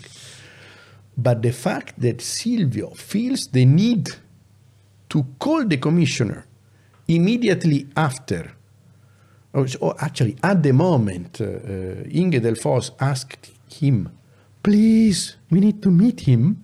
And he doesn't say, look, I'd ask him. No. He says, okay, okay, okay, Mm, allow me 10 minutes. Hangs up and calls the commissioner. Yeah. Is this pretending or is this being accomplished? Uh, being, being complicit uh, Yeah. in, in, the, in, the, in the crime. Uh, for us, it's, uh, it's Yeah. So I think up until the point, like I could see how there would be, uh, you know, a, a hypothesis there where you would say maybe Silvio just told her like I'll call you back to make it a bit more real, and then just like waited, had a snack, possible, but he know. called the commissioner. but then yeah, that And- part is a bit because then I, you know, like my theory of like he's just weaving this narrative where he's just roping John Dalli in on the logs on purpose so they will look like they're complicit doesn't make doesn't hold because he never then, when you're interrogating him, mentioned John Dalli once. Cool. So Plus, you know, he would have, you know, it was not in, in, his interest to look. If he had done it thinking that afterward we would have investigated, I mean, just to think like this is a bit, let's say, complicated and uh, yeah, it's, it's very. too much. I, that's what I'm saying. It's very sophisticated thinking. You know, like even too much because it's risky also for him. But actually, what's the advantage? Because if you are involved in a bribe, is worse than being involved in a scam. Sure, you've done by sure. But uh, what I'm saying is, you know, like you get these uh, situations, like we've had them recently quite a lot. Like we have a very controversial one going on right now, where where criminals, you know, reach a plea bargain with with the police or the attorney general rather, uh, in order to get like a you know like a lesser sentence It- or like charges happens, up, and they say, listen. I will uh, give testimony on another guy who's higher up. Like, do you want the commissioner? I have the commissioner. yeah, it happens. Like, it happens. Drop me. But in this case, it, But it never happened. Like It he never happen. took that that no, not only, direction. but even even the commissioner. If you look at the, what happened after the investigation or, or at the end of the investigation and after, the commissioner at a certain point, John Dalli learns that a friend of him, because they were friends politically and also family friend, you know, has betrayed him.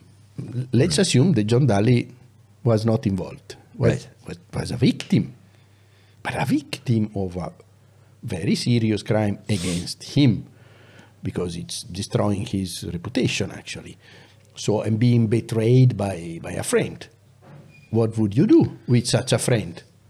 At least minimum, you would bring him in front of a, of a court. You would be a civil party against him. Yeah. Minimum. You would uh, make a querela, a denunciation. Yeah. You would believe- attack him. I believe this what he not did, uh, he did put, uh, like he did write, like it's something very basic that they did, that he wrote to through his lawyer to Silvio Zammit's lawyer that he will hold him accountable to any damages, so on and so forth. But no just- real legal action. no. I'm just Indeed, he, he only wrote a letter with no effect. Yeah. and uh, and, but like just like threatening him, kind of like, listen, if this goes bad, uh, I'm gonna hold you accountable. I wanted to also look into uh, another, well, two conflicting narratives, which is John Dalli. I've heard John Dalli say on TV, listen, look at what happened with the directive. Of like the snus didn't uh, become suddenly legal, therefore. Obviously, I was not affected by these meetings. Obviously, this makes no sense, really, because he never took the bribe. So, uh, like, why would he overturn the ban? But yes, and I want to come to. I don't know. Of course, you're from. I was going to say I don't know if you're familiar with the investigations. Jesus Christ, what's wrong with me? All right, uh, Duarte and Darmanin. Uh, ah, but you are very familiar with it. Bravo. Yeah. Ah. Sometimes I do my homework. Yeah, yeah, yeah. On yeah. occasion. Yeah, because these, uh, no, I say uh, good because actually uh, what you just mentioned came out on a following investigation on John Dalli. But in this investigation, we interviewed um, Joanna, Darma- Joanna Darmanin, who was at that time, at the time of, oh, we are talking about when, uh, the head of cabinet of Yeah. John Dalli. Yeah. Um, Shall we tell him what you thought she was? Because it said chef de cabinet. And Adele's like, why the fuck is the cook involved? No, no, no, no. It's a very, very important position. It's a Uh, yeah, of course. She's like the head of the uh, cabinet. You yeah. can call it. I would really love to talk to that woman. I couldn't find her. Yeah. Um, she, she's a brave and courageous woman. Uh, I, I don't know where she is now. Probably still working for the commission somewhere. I think she had been uh, the head of uh, Malta office of the commission for a while. That's Any- all I know about her. Not now. I don't know. Anyway, and she tells us that more or less January, February, at a certain moment, they had a fight in the cabinet because mm, the commissioner wanted to lift the ban.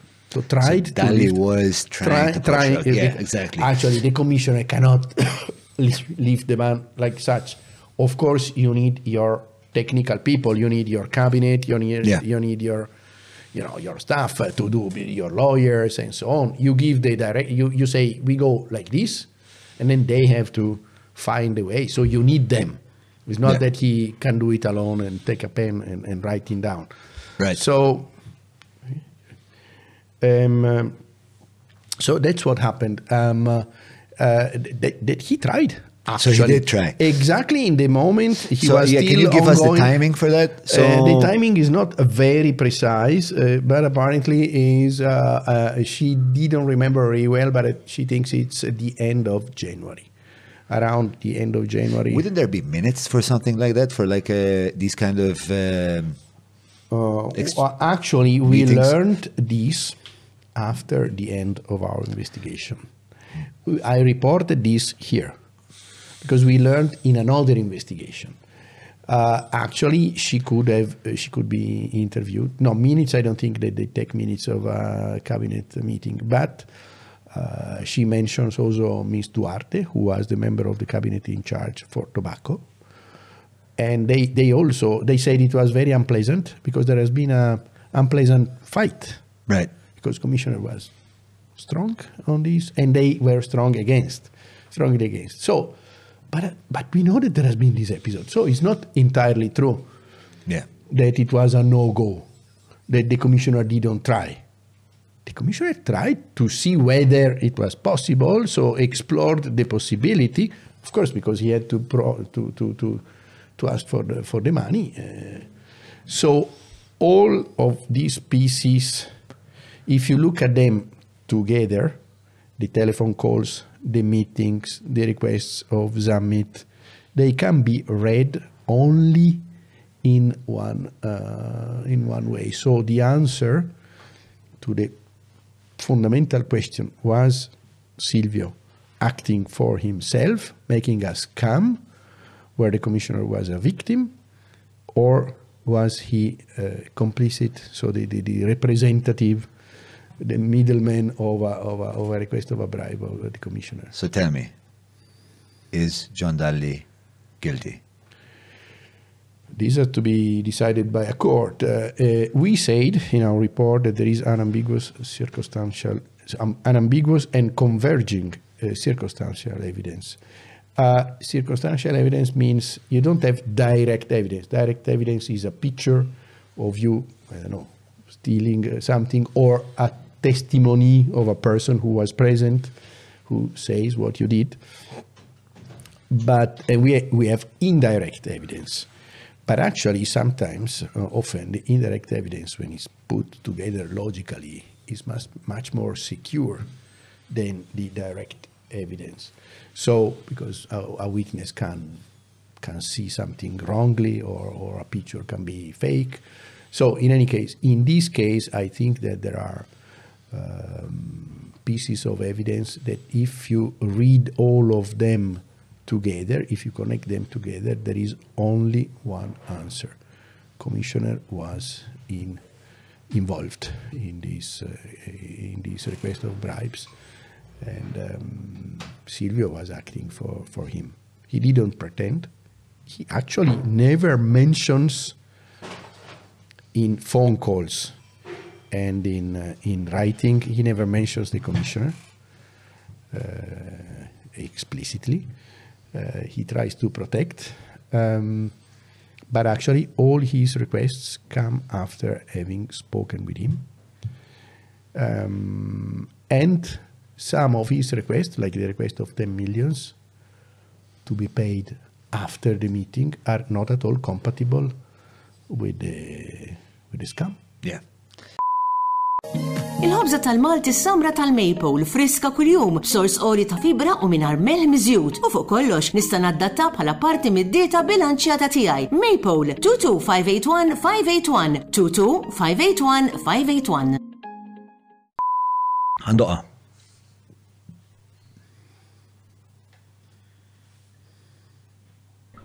with a guarantee proposal to lift. You can guarantee a lift of the ban. Is that what you said? Uh, uh, proposal. The proposal, yeah. Proposal. Uh huh. Okay? Um, and I can make you as well high level meetings Uh huh. uh, to, to end your rumors or the rumors. And uh, obviously, um, this consumers and give you the guarantee that lifting will be proposed. Okay? Okay.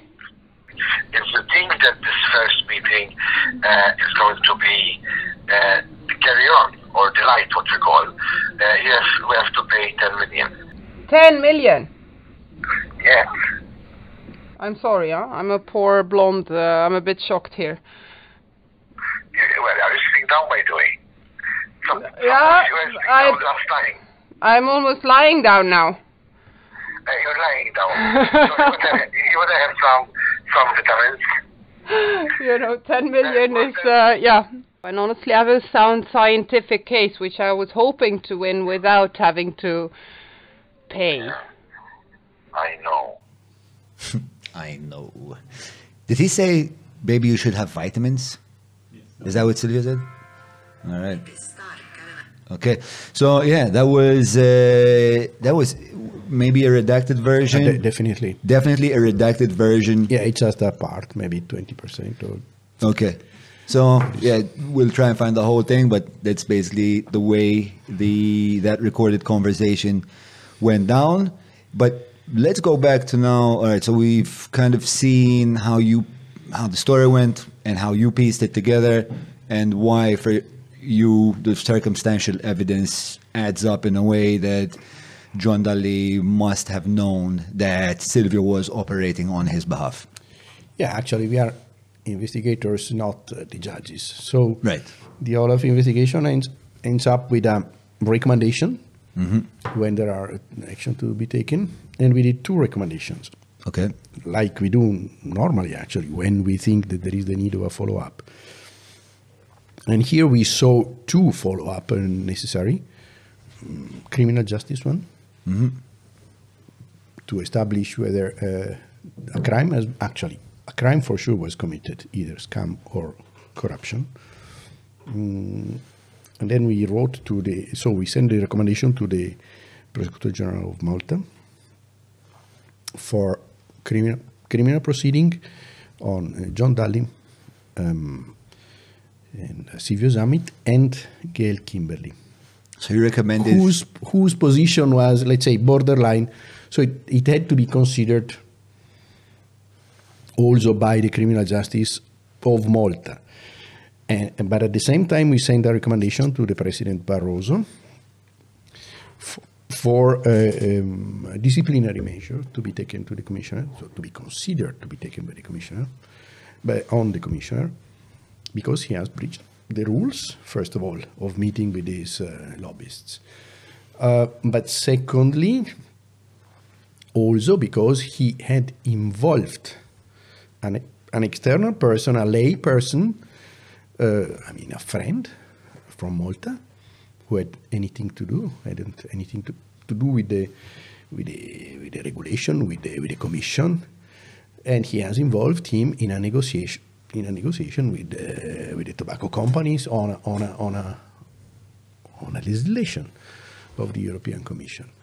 So John Dalli has enabled an extraneous to deal with matters of the utmost importance of the Commission. And then these extraneous that he has enabled, he has involved, ask for a bribe. That's, that's, a, that's a fact. For, for sure, the least which, which we can say that by doing so, he has damaged the reputation of the Commission. Sure. So there was, in, in our view, this kind of political um, um, disciplinary responsibility of, of the commissioner without enter, entering into the fact or independently from the fact whether he had also committed a crime or not. The political responsibility differs from, from the criminal from criminal responsibility. responsibility, sure. Criminal responsibility is for judges, criminal justice to decide. Political responsibility is for, in this case, in this case, for the president of the commission. So we send a recommendation to the president of the commission. Our recommendations are not binding. Binding. Of course, they have to be addressed. Yeah. They cannot be ignored. Then we know how it worked. Uh, the commission, so the President Barroso, immediately met with, com- Commissioner Dalli, and after two days, Commissioner Dalli was no longer member of the commission because he, lost the trust of, uh, of the president of the commission. Whilst 10 years after, criminal justice of, of Malta has just started uh, dealing with the Charging Dalli, like literally months ago. uh, at least, uh, uh, at least uh, looking into it and deciding whether he had committed a crime or not. This is what is going on. When was your report handed to the Maltese uh, authorities? At the same moment, we sent it to the to the commission. We are talking about October 2012. Right. I think it was around 20 October, something like that. In October.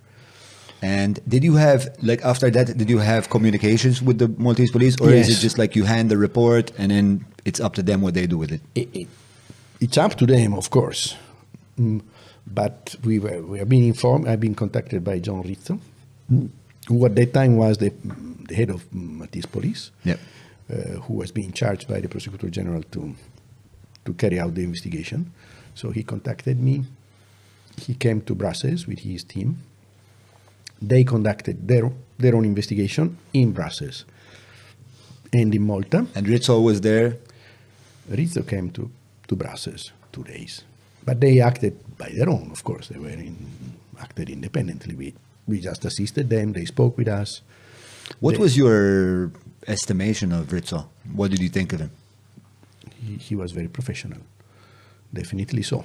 He was he acted in a very, very professional way. I didn't know him. I didn't know anybody actually in Malta. He acted um, very very professionally. He and his team actually. That's my was my impression. The impression of all of us in uh, in Olaf. Then we know what happened in December. They arraigned Silvio Zamit. But then I, I, I knew from Rizzo that he wanted to arraign also John Daly in, in December. But John Daly saw, noticed, of course, that what happened to Silvio. And so he avoided, he escaped uh, this, the same uh, the same situation. So he avoided, uh, prevented to be arraigned by sending a medi- medical certificate to Malta, saying that he he couldn't travel. So, so he spent all the time in Brussels, in Belgium, and he didn't come to Malta. Malta has this rule, which is not the same in all the member states, that you need the presence, the physical presence of the person. So you have to bring the person To the in court. front of the judge Right. to arraign him. If you don't have the person, you cannot. And he took advantage of this by just saying, I cannot come. Then you had the elections. I think it was early March 2013. And it was 2013, was it March? Early, early we'll have a look. March. Yes, March Why is it important? Because, because immediately after, uh, you know, there has been a change. The socialists, I think, uh, ga- uh, Yeah, we're using the term socialist lightly here, but Yeah, you're on. right. So a change, let's Yes. say. Cha- yeah. In, in the meantime, I learned afterwards that in the mean he, so John, John Dalli was not in the Socialist Party, he was in the other one, Nationalist. How Yeah. is it called? But he during the camp, during the campaign changed, Yeah. switched to the other side. which was really for us it was super strange because you had 25 years of the socialist media saying John Dalli is the corrupt devil. He has like uh, bank accounts in Switzerland and he's done this stuff with Daewoo and all this stuff. And then all of a sudden, John Dalli is the victim here. It was really weird. But it, it, it, uh, it had an impact because as soon as the socialists won the election, the health of Dal- Dalli improved dramatically. He could travel. He was seen strolling on, on, on, on, on Republica Street here, healthy, perfectly healthy and, and, and happy. Because one of the first acts, maybe you can check when it has been done, of the new government has been to change the head of police. Right. John Rizzo was sent to the civil uh, civil protection, and Peter Paul Zammit Yeah. had been appointed from outside the police, had been appointed the head of police. But uh, Silvio, see, uh, John Dalli was already very calm and uh, and relaxed because he knew nothing could have happened. And indeed, one of the first acts of the new head of police was to participate in a Saturday evening uh, talk show in Malta, saying, "John Dalli, there is nothing on it.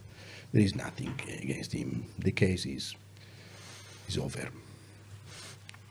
Were you aware that um, along with like the, the inspector that was working with John Rizzo at the time that wanted to prosecute Dalli was Angelo Gafà, who is now the commissioner of, of police? But uh, uh, uh, John Rizzo came with two inspectors. Honestly, I don't remember the names. Yeah. But I think uh, it's possible. Gafà is a name I, I've heard, maybe. Yeah, sure. He's now the commissioner of police. Ah, I didn't know. So uh, I mean, from stories I've heard from inside of the police depot, like there was a huge, like pretty huge fight between Angelo Gafà and Peter Paul Zammit because Peter Paul Zammit said, listen, this Dalli thing is over. Angelo Gafà wanted to pursue the case, mm, But- and then they fell out. But actually, Peter Paul Zammit, uh, if you look at the facts as they happened and the sequence of the facts in those months, it looks like Peter Paul Zammit has been put there on purpose to close the case. And uh, that's what he did. Actually, then it turned out that he didn't, didn't even close. He just dismissed and archived it, but still it was still there. But he announced uh, urbi et orbi, so to everybody, there is nothing. And this immediately has been took by Dali. And his uh, media, in particular uh, his house organ Malta Today, at, at that time, and all he, the media he uh, had instigated in Europe oh, in his favor by saying, look, we have the evidence, because Peter Paul Zamit has said so, that Olaf investigation was all a scam. Have you ever spoken to Peter Paul Yes. What was that like? Of course, I was. I was rather unhappy about this unprofessional uh, behavior because you don't go to the police and say so. And by the way, it has been exploited not only by the media, what he said, but immediately also by political parties in the European Parliament. The head of the Popular Party in the European Parliament asked um, asked Barroso to dismiss me. Why? Because there is nothing on Dalli. Like if a prosecutor asks for someone to be sentenced and the, the, ju- the judge is a kid, uh, the prosecutor has to be dismissed. But so Was that the only reason? Did they say like that? Was there maybe like a conspiracy theory that you were somehow But, uh, paid off by someone in order to? There has been many, but uh, uh, also contradicting ones. Uh, Dalli uh, says uh, said first of first of all he said it has been Barroso who wanted actually Gozzi. the Many things that he has said actually, uh, and I don't even remember all the things he said. But one of the things he said is Gozzi. Here, uh, Gozzi, I think it was the name of Gonzi, the yes. Go- Gonzi, pardon, of the then prime minister, popular or nationalist party, Yes. so popular party Of in Europe, had asked that theory of, of Dalli, one of the theory, had asked Barroso to kill uh, Dalli because Dalli could have been mm, the next uh, candidate prime minister, prime minister here, or a, con- Yeah, I had I had heard this. a story, yeah. competitor, or whatever, and he wanted to, to, to kill him. Asked Barroso for this favor, and Barroso simply Came ordered, uh, ordered said- me, please. So in this case, I was just the killer on the order of Barroso who acted in the interest. Yeah. I mean, this is uh, science fiction, actually. Yeah, when you see all like everything that no, uh, that's, uh, that's, that's really science fiction. But of course, the Popular Party in Europe couldn't uh, couldn't back couldn't buy it because it was too much, uh, accusing Barroso of such a terrible thing. And Barroso, me, I am nobody. Barroso is the president of the commission. So they found the solution. It's not fault of Barroso.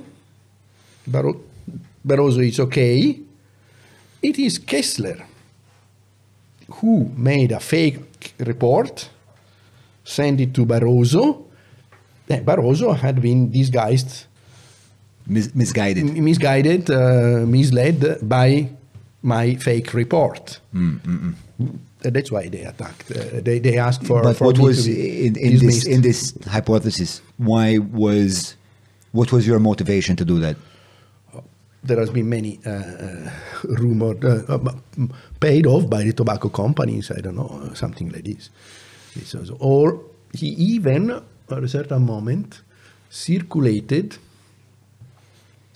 a, a transcription of emails between a certain GK, alluding that it was me, but he didn't say Johnny, uh, GK, and the initials of Gozi, which I don't even know. Where uh, GK says, yes, and now I will do something. I don't know, I don't remember. In a broken Italian. and he put it in, uh, in, I mean, and he said, these, I don't know where they come from. I got it kind of in front of the door one morning. So, I mean, Yeah. totally bullshit. Plus, they were written in such an Italian that I got offended that someone could think that I, that I write this Italian, but it was all really invented and. and but okay, so but I, I also but- heard the narrative that you're friends with Simon Busuttil. uh, Busuttil, it, he was member of the parliament and uh, and uh, mm, uh, European Parliament, uh, if I'm not wrong, of the Popular Party actually. Correct. Yes.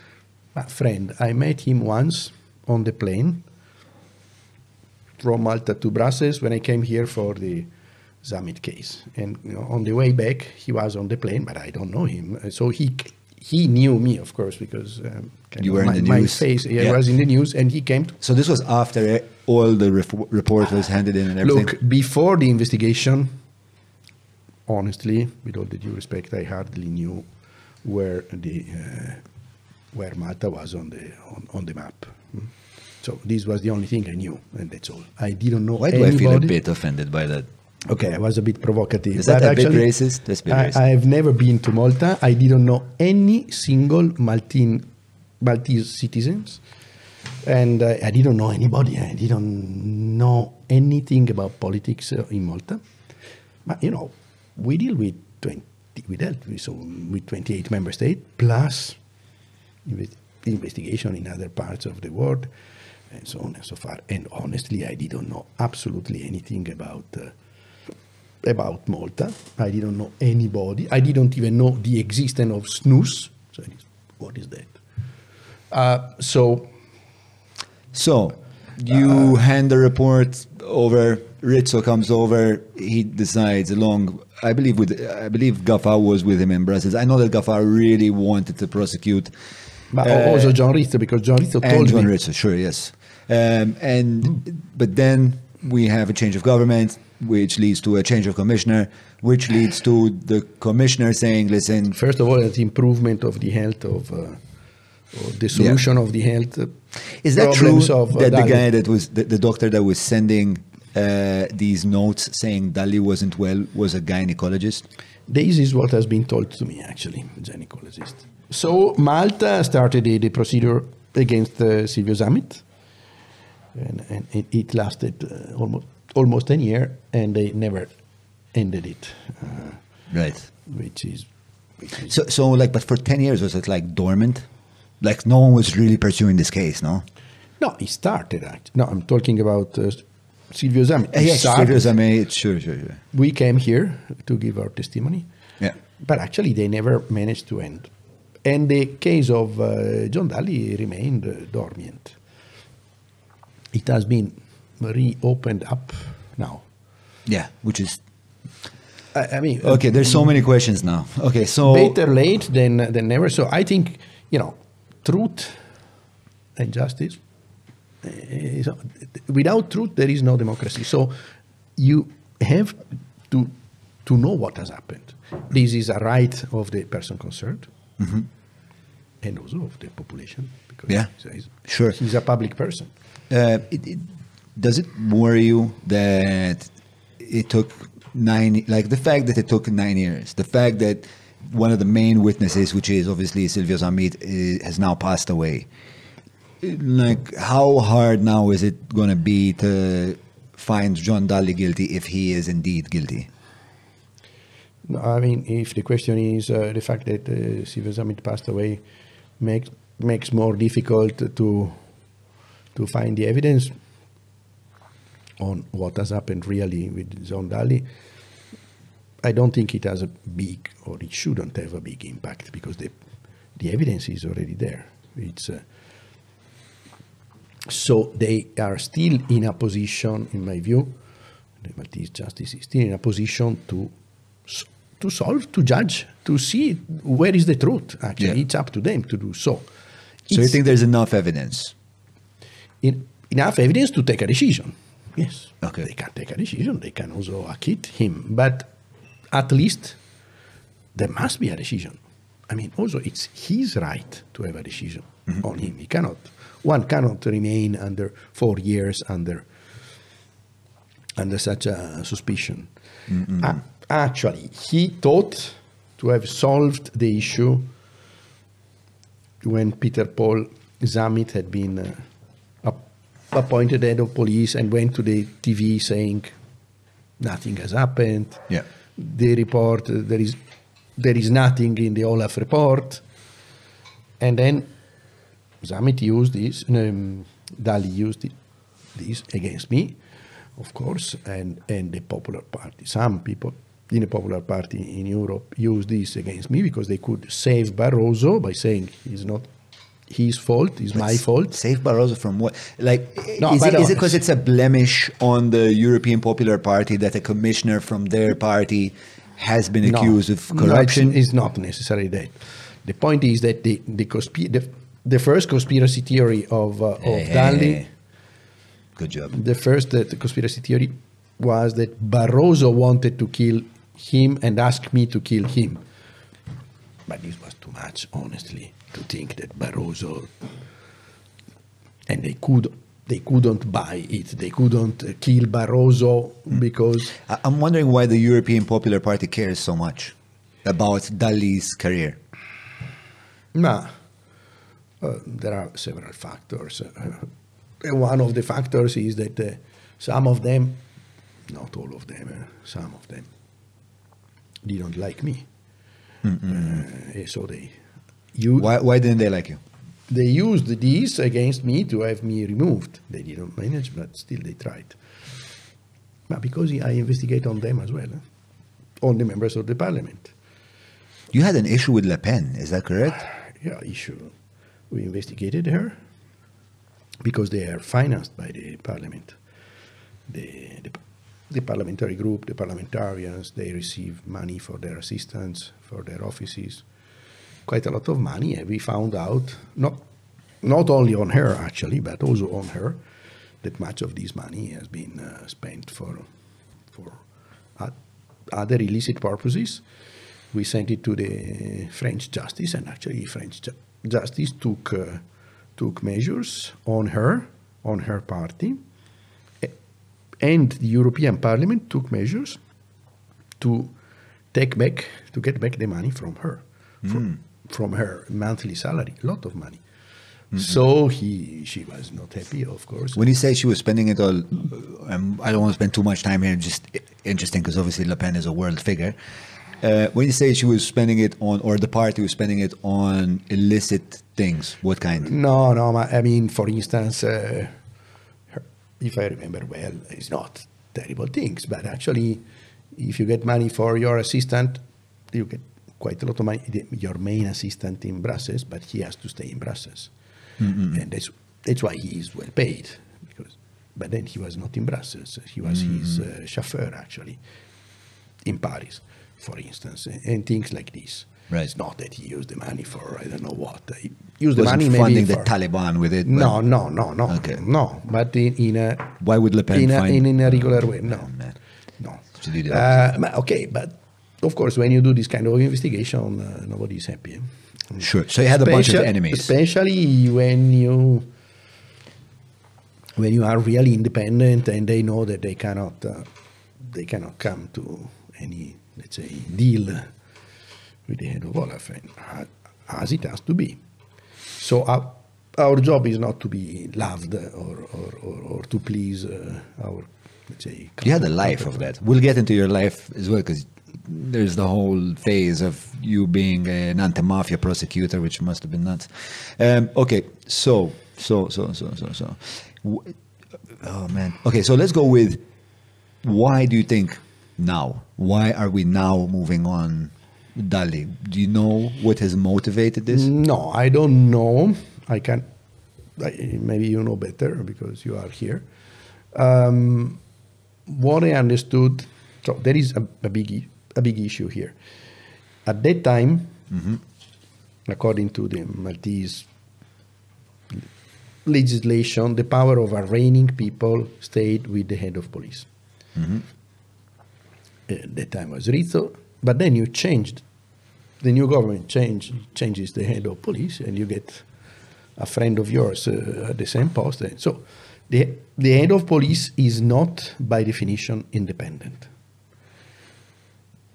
He's appointed by the politics, and he depends from the government, by by definition. So, if the power to arraign people comes from the head of police, that is, comes from the government, these kind of cho- choices cannot be, let's say, so they can often be politically Motivated. moti- motivated, as it has been, of course, in, the, in my view, in the case of uh, Peter Paul Zammit. who- So Rizzo had been removed, and immediately Dalli came here, didn't have anything else to fear, and indeed, uh, one of the first things uh, he said, uh, Peter Paul Zammit, is the case is over. So now I understand it has been changed a little, a little, the situation here, the legislation. And for more crimes like these kind of crimes, the power to arraign, that is to bring people in front of the court, lies with the, the avocat, uh, general. Yeah, the, Pro- l'Avocat prose- Generale. Generale. Is this correct, uh, Charles? Not sure. I, I understood. Take this guy's license straight away. You get a license? What do you have? License? A warrant. There you go. I'm I understood well that for some crimes it has been moved from the police to the prosecution, which might be the explanation why. why all of a sudden we've moved. Also, the head of police is now Angelo Gafà, who did want to do it like 10 years ago. Anyway, loads of questions. Uh, maybe Dalli would like to come here and have a chat with us. Maybe Gaffa would like to shed some light. Um, cool, cool, cool. In any case, it's late, but it's good, good that it is done, actually. How old is John Dalli now? Like 70, More. 73.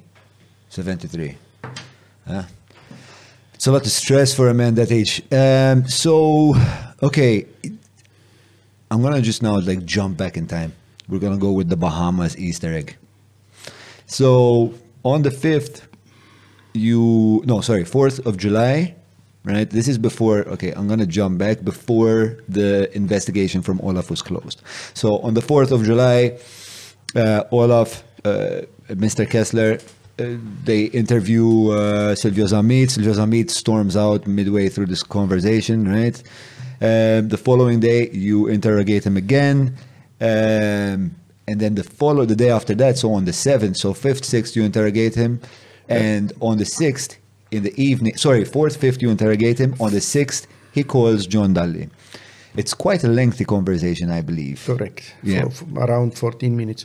I don't remember if it is the 6th or the No, no, it's, it's the sixth. Uh, I'm, pr- I'm pretty sixth. sure. Uh, the, the sequence, I'm, I'm pretty sure of. Yeah. So on the sixth, he has a 14 minute conversation with John Dalli. John Dalli is in Cyprus, uh, and they're inaugurating the presidency of of well of Cyprus. I'm not sure if that's related to the EU or not. It is. It is. It is right. It- so this was like the Cypriot presidency of the EU.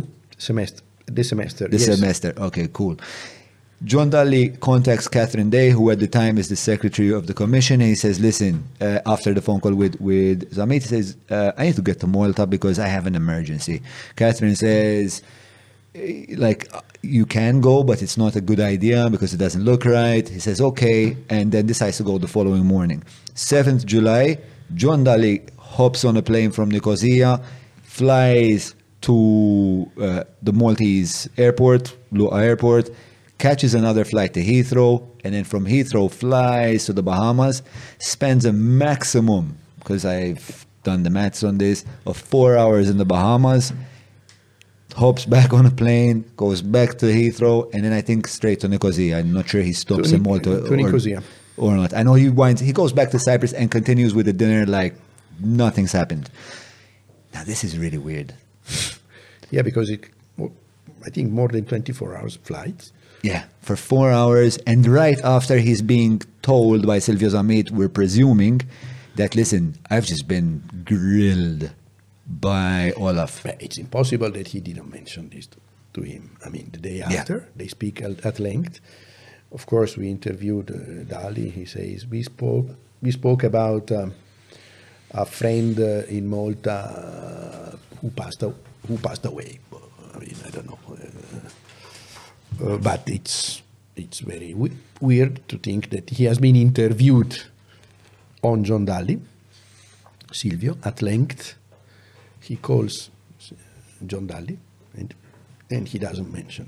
I mean, Yeah. in any case, he would have told him, both in the case he was pretending or not pretending. I mean, Did you, any did you guys know, like, what, by the time you spoke to John Dalli, did you guys know, because you spoke to John Dalli, then, the, like, the, the actual interview happened in July, later in July. later in July. Did you guys already know that he flew to the Bahamas? No, Ah. no, no. How did we find out about the Bahamas? Hmm. Daphne Caruana Galizia by her blog. But after the closure of our investigation on on the snus. Okay. Okay. After that. After that. Yeah, and that made it all the way to the New York Times, Yeah, indeed. Hmm, and that's that's a whole other case. It's a whole other case where we didn't have the, cooperate, the cooperation of the Maltese police at the time, headed by Peter Paul Zammit. We asked in, in writing several times to have an answer on where the money has been gone because we have seen that this has been a scam, let's say, so it's a, a Ponzi scheme. They, they got money from some strange people in the United States, Yeah. promising them huge interests. Yeah, pensioners, by the way. Yeah, but quite rich, and also belonging to strange uh, groups. Like Christian community. Yeah, who probably don't pay mu- much taxes. I don't know. In any case, they gave the money. They got the, the high interest for, as it happens in these cases, high interest, three months, then little, then nothing. Hmm. And then no money. But they thought, Mary Swan and Ali, that they wouldn't have done any denunciation, any querela, because probably the origin of this money was Dubious. dubious or at least uh, as a result of uh, not paying taxes. Yeah. So they were not in, in the in the interest to disclose that they had so much money. That's how you choose is the victim of a financial scam normally. In any case, indeed, they did not. But Daphne found out. Daphne wrote about it.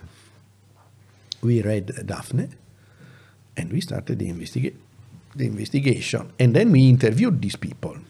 And then we had the evidence that the money arri- arrived in Malta. The money arrived in Malta in a bank, on, on a bank account uh, of, uh, if I'm not wrong, of Tyre. Yeah, they're, they're two companies. One's Tire, correct, and the other one is, I think, Corporate Services. This the I, second one. now I don't remember, but yes. In I any think case, it's corporate services, and corporate services belonged, I want to say, ugh, to Louisa. But the, the daughters of Dalli were involved in both. Yeah. So, and actually, that Dalli was present together with Mary Swan, who was, um, let's say, famous, fam- We have it in the document I gave you in the timeline of the Bahamas timeline. a famous, uh, let's say, scammer. And uh, so we asked the police. We gave the evidence of this money arrived on the bank account. We had the documentary evidence. Say, can you have a look where where the money ended up? They never answered. Then, uh, and they should they should have answered because they have to cooperate with Olaf. There has been an official request and um, and then uh, we we went to the government. We went public.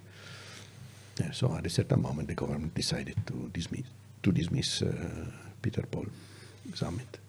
I think it was so. It, it didn't last there much because of this, because of his non-cooperation. But then I must say, I don't know how the case ended up.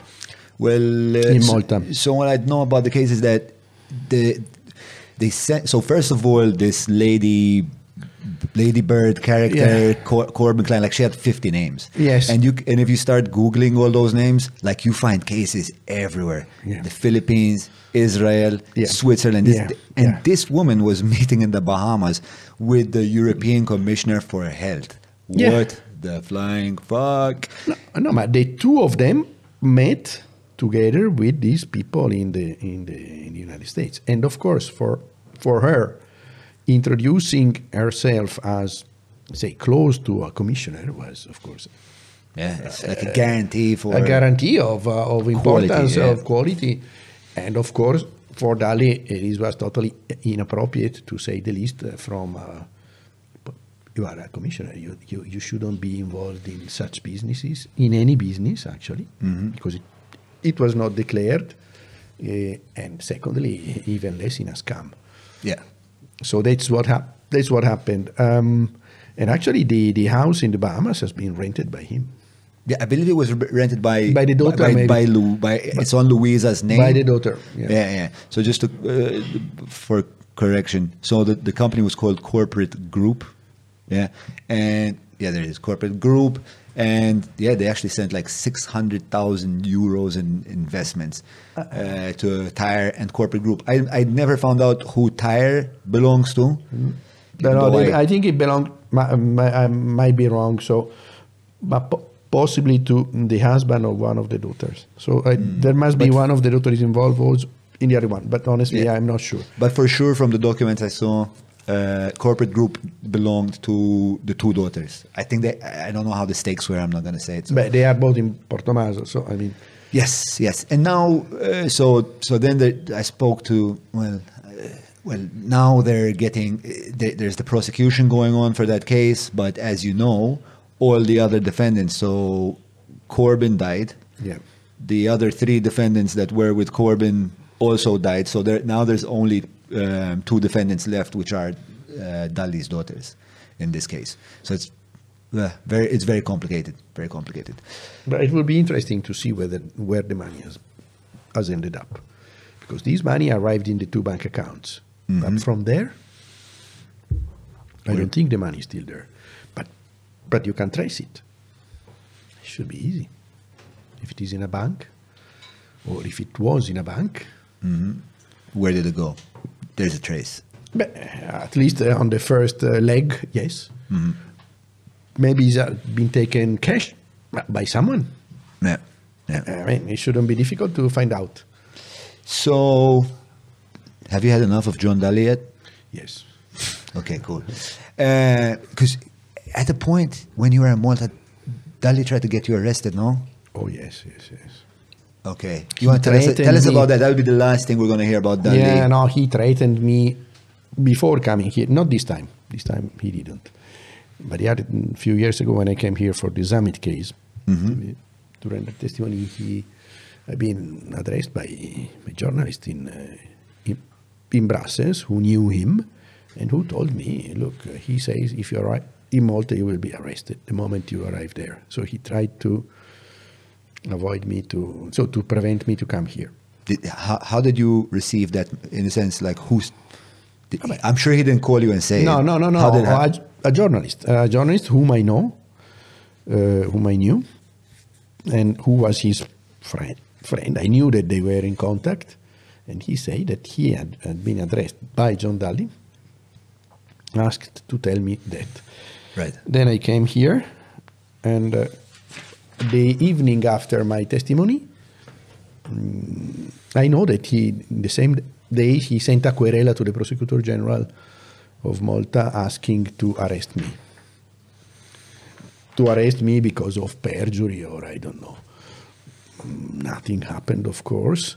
But, but then he wrote that I flew away uh, anticipating my flight back, okay, which, which was not true actually. But but this is this is what he did. But actually, it had now yeah, I cannot say, but it, in the past it has been another episode of him threatening me and the other investigator.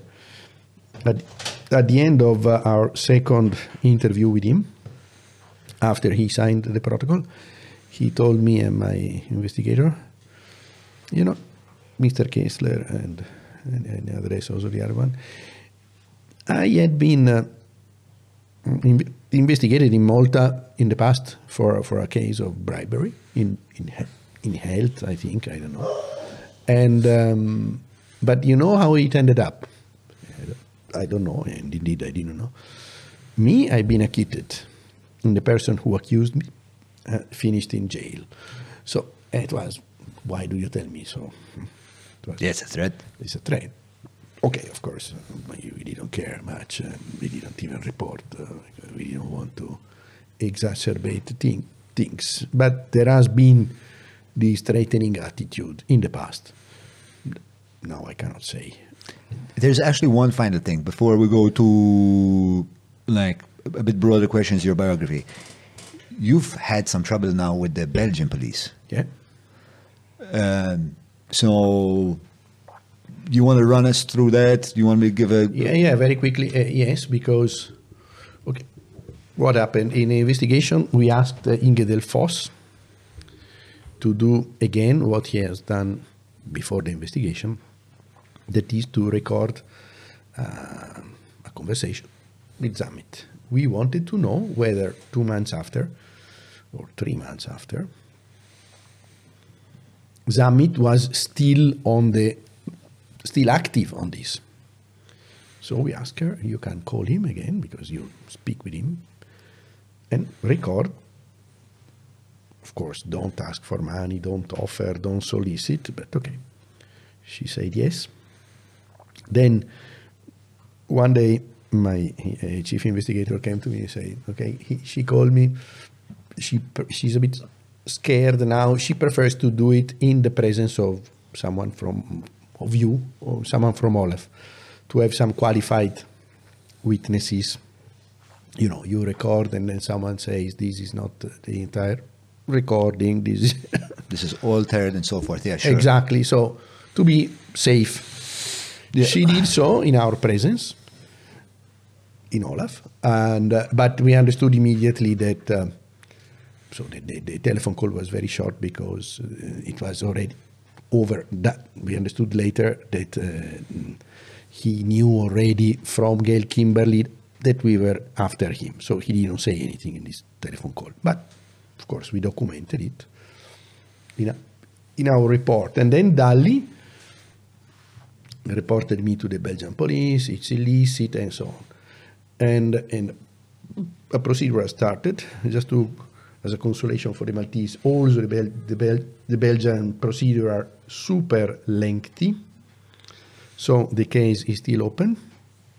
Twice the prosecutor, the Belgian prosecutor has asked to drop the case because apparently it's a minor crime, but it is a crime to li- listen to a telephone call. It's not an interception, but uh, where you are not disclosed to both of the participants. So if I tell you, if I don't tell you that I'm recording you, that's no, illegal. no, no, no, no. It's legal. That is legal. Yes, but if someone else listens to the phone call live, and his presence or her presence is not disclosed to, bo- to both uh, of the participants, uh, uh, that's, that's a crime. It's a mi- minor crime, but still a crime. This is in Belgium, but it's not in other member states, for instance, because as Were you I- were you aware that that was a crime? no.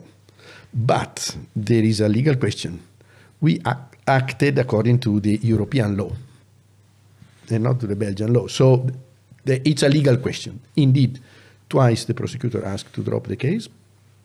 Investigative judge decided to drop the case. Right. But Dalli, who is a civil party, went to the Court of Appeal, Court of Appeal in the investigation phase, because um, it's still at the investigative phase. I've never been in front of a court because they decided not to bring me in front of a court. In any case, now the Court of Appeal has decided, in, in the investigative phase, has decided that, that I should go in front of the court. And then I went to the Court of Cassation. Appeals court.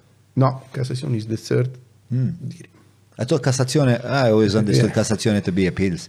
So no. No. it's a third, it's like a third appeal. Yes, it's a third uh, degree. Yeah, it's the tri- tribunal, court, okay. tribunal, mm, um, court of court of appeal, and cassation. Okay. Okay, so it's a it's an let's say, let's story. say uh, uh, Giovanni Kessler is found guilty. What happens then? What, like, is it punishable by like, fine, a fine? fine. So you're fine. Yeah, Terrible. for something which, uh, I mean, eh, as the prosecutor said, uh, no damage to anybody. Actually, it has been done to find the truth. Uh, and uh, it's uh, a dubious legal issue whether I could do it because we did it in Olaf and following the Olaf regulation and not following the. Sure. And was it uh, Dalli that uh, Yeah, of course. started out the initiated the process? Dalli, and I think, and this I don't know exactly, Dalli continued because he's civil party and he, he has appealed and so on and so far. And uh, he has, every time the prosecutor asked to drop the case, he made a new request, uh, etc. Then when the judge, uh, investigative judge, decided formally to close the case, actually, she says it's not not a crime, um, uh, he made appeal, so he has been very active in this. It is possible that in the that initially, together with him, also some members of the parli- the European Parliament made um, Like a joint effort? yes, those who wanted me uh, out of Olaf. Sure. Um, But it has been still ten years, and we are not in front of a court, and maybe we will never go in front of a court. Wow. So it's that's super slow. It's Indeed. consolation for us. Yeah. Mawra sal-ħadnu ta' Derek mux tranzazzjoni kif ġibu laħa, fejn apparti tinqeda blifjen kwalità se tiġi mejjun sabiex issawar l-arfin tiegħek dwar dak li qed tiekol u titma' lil familtek. Biss jekk m'għandekx il-ħin ta' disa fejnhom il-belt, ibad WhatsApp lil Derek fuq 9986-6425 biex waslulek ix-xirja fuq l-adba. Uh, throughout the throughout your whole investigation, um, it, since Barroso was the guy that told you, "Listen, you need to investigate this." Throughout this investigation, was Barroso um like asking, like, "Where are we with this?" Uh, no. No. You weren't telling him, like, "Listen." No, no, I didn't have any contact uh, with Barroso or with the Secretary General. And actually, they asked me at the very first moment when they brought me the information. I think it's also in the transmission letter.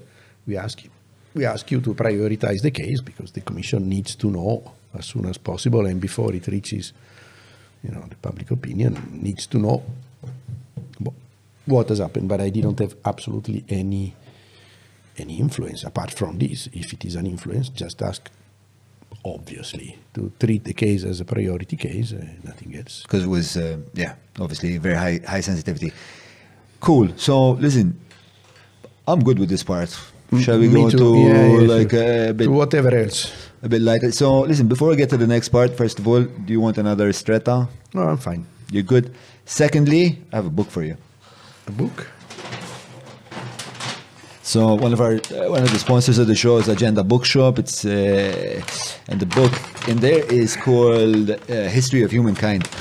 I shall confess, or humankind rather, sorry. Nothing less than that. Huh. Um, Thank you.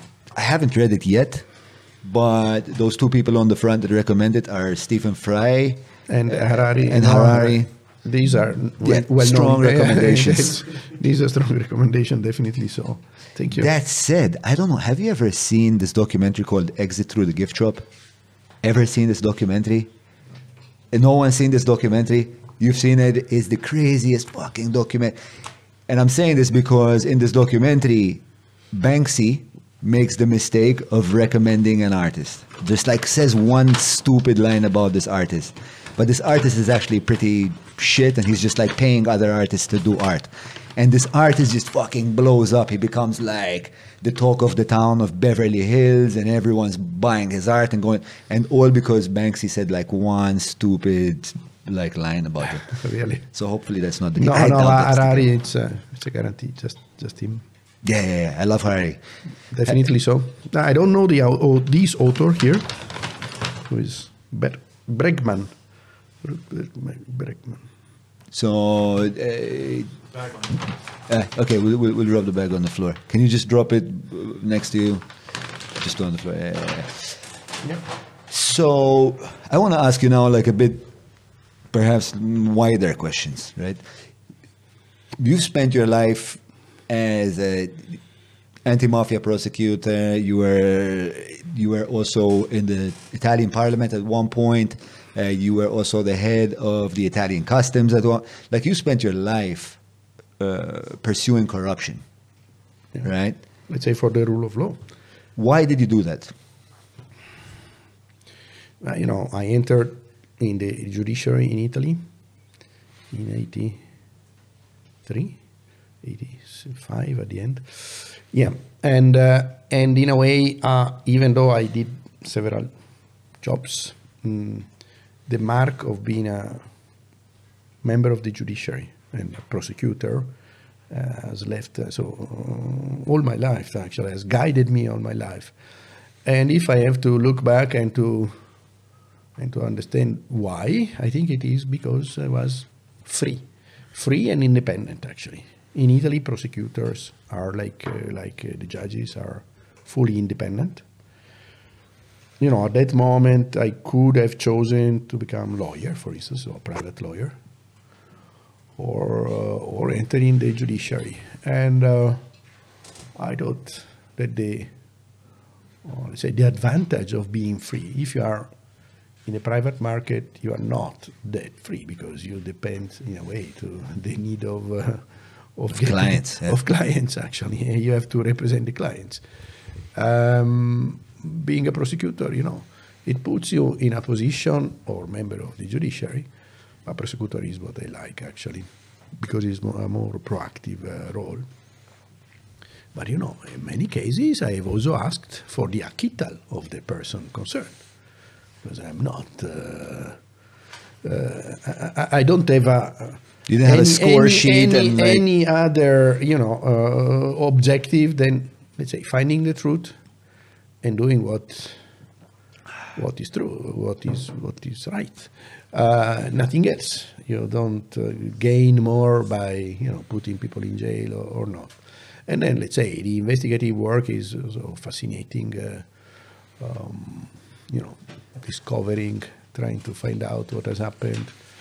Uh, but, in a very why, why did you care so my- independent my question is like why did you care so much like why why is it important why is it important for Giovanni Kessler to fight corruption in his state And beyond eventually.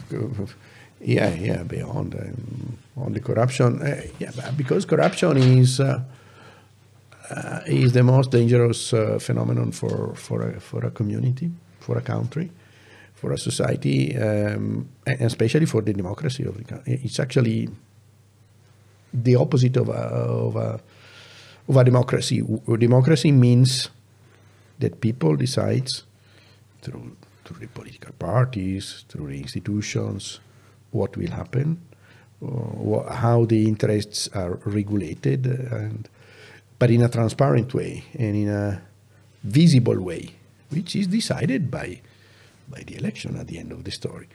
And it's democracy, and it's a great uh, value, actually.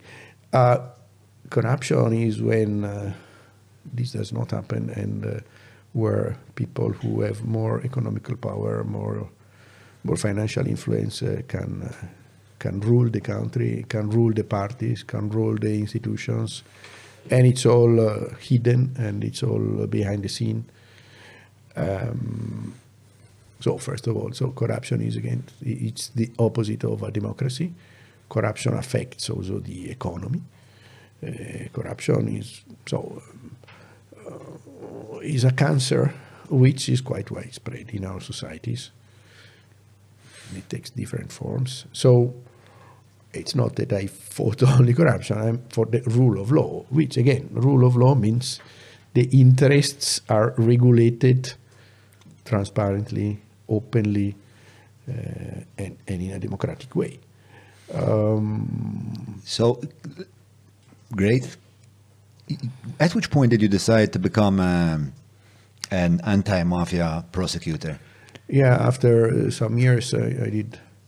I was prosecutor in my city. We had uh, big cases on corruption or local corruption. Uh, but then uh, there has been the assassination. Actually, it's, we have the anniversary now of uh, Falcone, and a few months later, uh, Borsellino, which has been huge uh, events uh, for, for, for us in the judiciary, but also in Italy.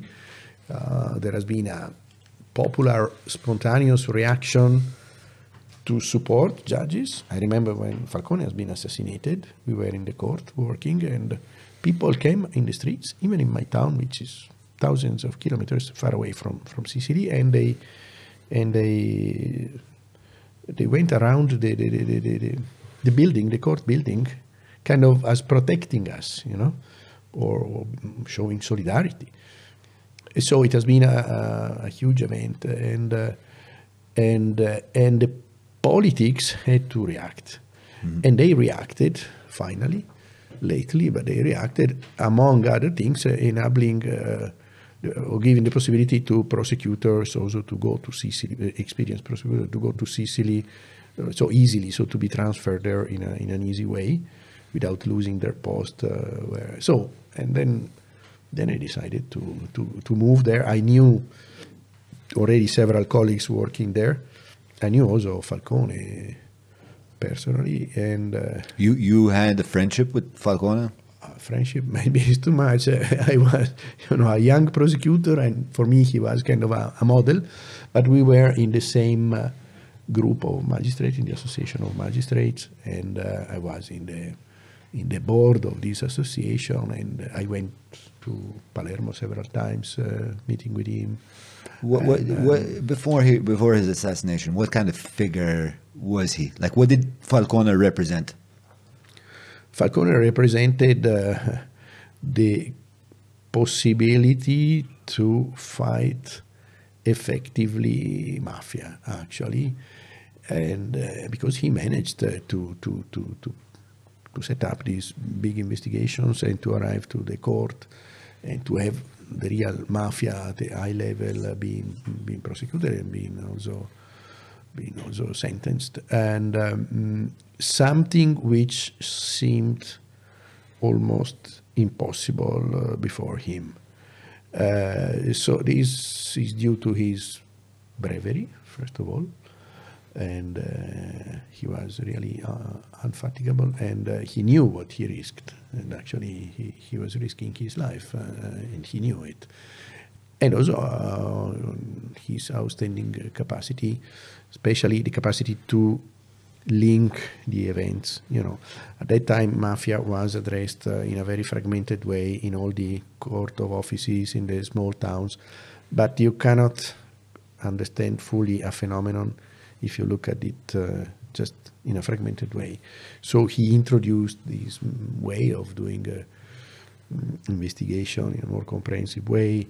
He also pushed for um, for the anti-mafia offices to be created, so big specialized anti-mafia offices to be created. So he was for us an example. For me, he was an example, a model. I looked at him from the bottom up, actually. You know? And, and but okay, so a few. So when when this possibility has been given to me, um, And was it like a big motivator for you to go? His assassination was a big. Yeah, and also the fact that there there were other colleagues whom I knew very well. they are not so well known because fortunately they have not been assassinated, but there were there other like him after his assassination and the assassination of Borsellino, friends. Uh, I felt that I've been given this I, I, I been given this possibility. I felt I had to to use it. So I stayed there two years in Sicily, in, in the anti-mafia office, uh, investigating in the anti-mafia office. Yeah. What was that? What was that experience like? Well, first of all, from a professional point of view, it has been a unique experience because we had to deal with a phenomenon of organized crime, of the infiltration of the mafia in the police, in, in, the, in the judiciary, in the economic power, and I dealt with uh, some um, pentiti. You understand? Uh, so Yes. some, Uh, some collaborators the- collaborators. so some mafiosi who switched, but it's it's not that easy to deal with them because you have to discern uh, whether they say the truth or not the truth, whether they have vested interests or not. So it's quite uh, quite a lot of a lot of work. Uh, but How long did you do that for? Two years. Two years. Two years, just dedicated to it. To it. Um, uh, it has been, uh, uh, professionally speaking, I, I was doing only this uh, from the morning till the evening, and uh, no, no, man, I mean, it has been fascinating. I, I discovered uh, a new world. Actually, Sicily and my region are 2,000 kilometers uh, away, so it's it's kind of another world, another culture, another. Is there is there like such a huge disparity between? So let, us just explain to the audience where you come from, because you come from a place that's quite anomalous. So you come from a place called Trentino, Yeah. which is like at the very north of Italy, and yeah, just south of the Alps. just south of the Alps, Ah, is in the Alps, but on the on the southern side of the Alps. Uh, and it's on the border with Austria. Austria, right? Yeah. And there's another region next to you, which is South Tyrol. South Tyrol, and you guys are autonomous Yeah. regions. Yeah. Which means what exactly? It means uh, that uh, many things have, are decided locally. So the local council, the local government decides on and manages uh, matters like roads, like schools, and many others, uh, which normally are dealt with by, by state, by the national level in the other regions. And that's why these two autonomous provinces are called, which are actually big as Malta, so a bit more than half a million people each. So it's very similar. Yeah. and these two provinces used to belong to the Austrian Empire. So we became, we are the last became Italian. So we became Italians uh, exactly 102 years ago, which is not that much time. Yeah, but Italy isn't that old either. Like No, this, this always, uh, I always forget that. Italy is not old either. Yeah. You're, you're right. Wh- When did the Garibaldi unification? Yeah, I mean, uh, unity of Italy is uh, in, in, in the 19th century anyway, so it's uh, 1860, 1870. Yeah, it's not that old uh, at all. No, no, I Yeah. mean, Italy as such. Then we had parts of Italy. Of course, the uh, Kingdom of Piedmont, Yeah, Naples and- exactly, Kingdom of Piedmont. Uh, uh, but we were bound to, to, to, to the Austrian Empire, also during World War One. and that's where your surname comes from. I'm Uh, presuming yeah. Kessler. Yeah, yeah, indeed. It was a mixed. Uh, so I'm Italian speaking, but actually we were the Italian speaking minority in the Austrian Empire. While South Tyrol now they are, they always been German speaking. South Tyrol, so the neighboring province, 20 kilometers. That is the language border. South Tyrol is now the mm, German speaking minority in Italy.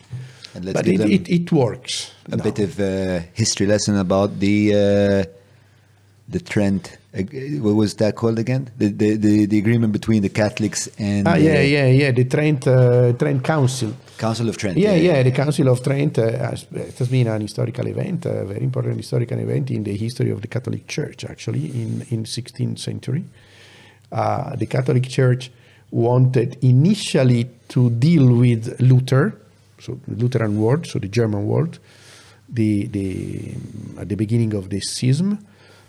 But then uh, there was little to do. But then they had to react to it, uh, to this German uh, separation in the in, in the church.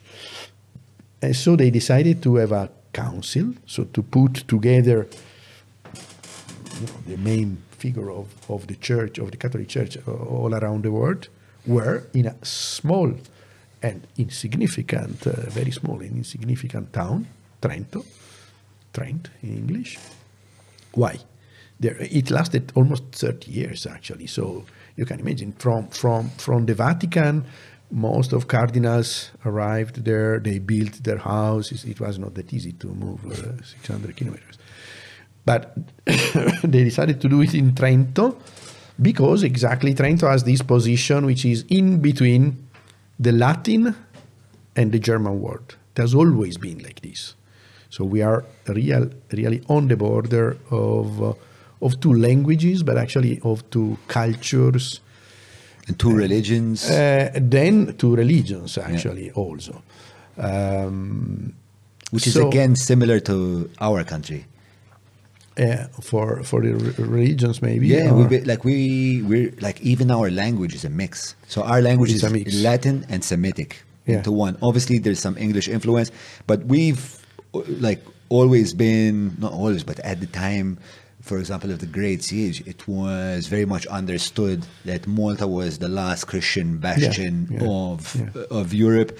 So we're always kind of like in the middle between uh, Islam and, and Catholicism and yeah, uh, one can say now that the, the difference between Islam and, and, and, and Catholicism is not that is not like the one between uh, Catholics and uh, and Lutherans actually, because now it's not that much. Still, we are a border region. This we can say border not only for administrative borders, but for the language, for the culture, for the and that uh, makes these places also fascinating. Makes these places also probably also Malta. You will tell me, you know, more Europe oriented or less nationalist oriented because.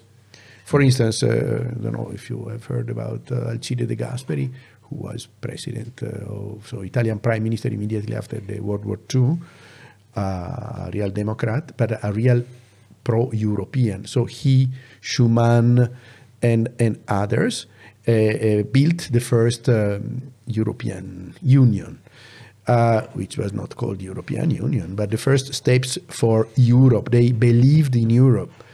And if you look at who were these people, all of them were coming from the French, the, the German, and, and the Italian. So they, they, they, those who started came from border region. Uh, German close to France, France. Uh, so they are more, let's say, less nationalistic, less, and and more in contact with the uh, other people. Indeed, indeed.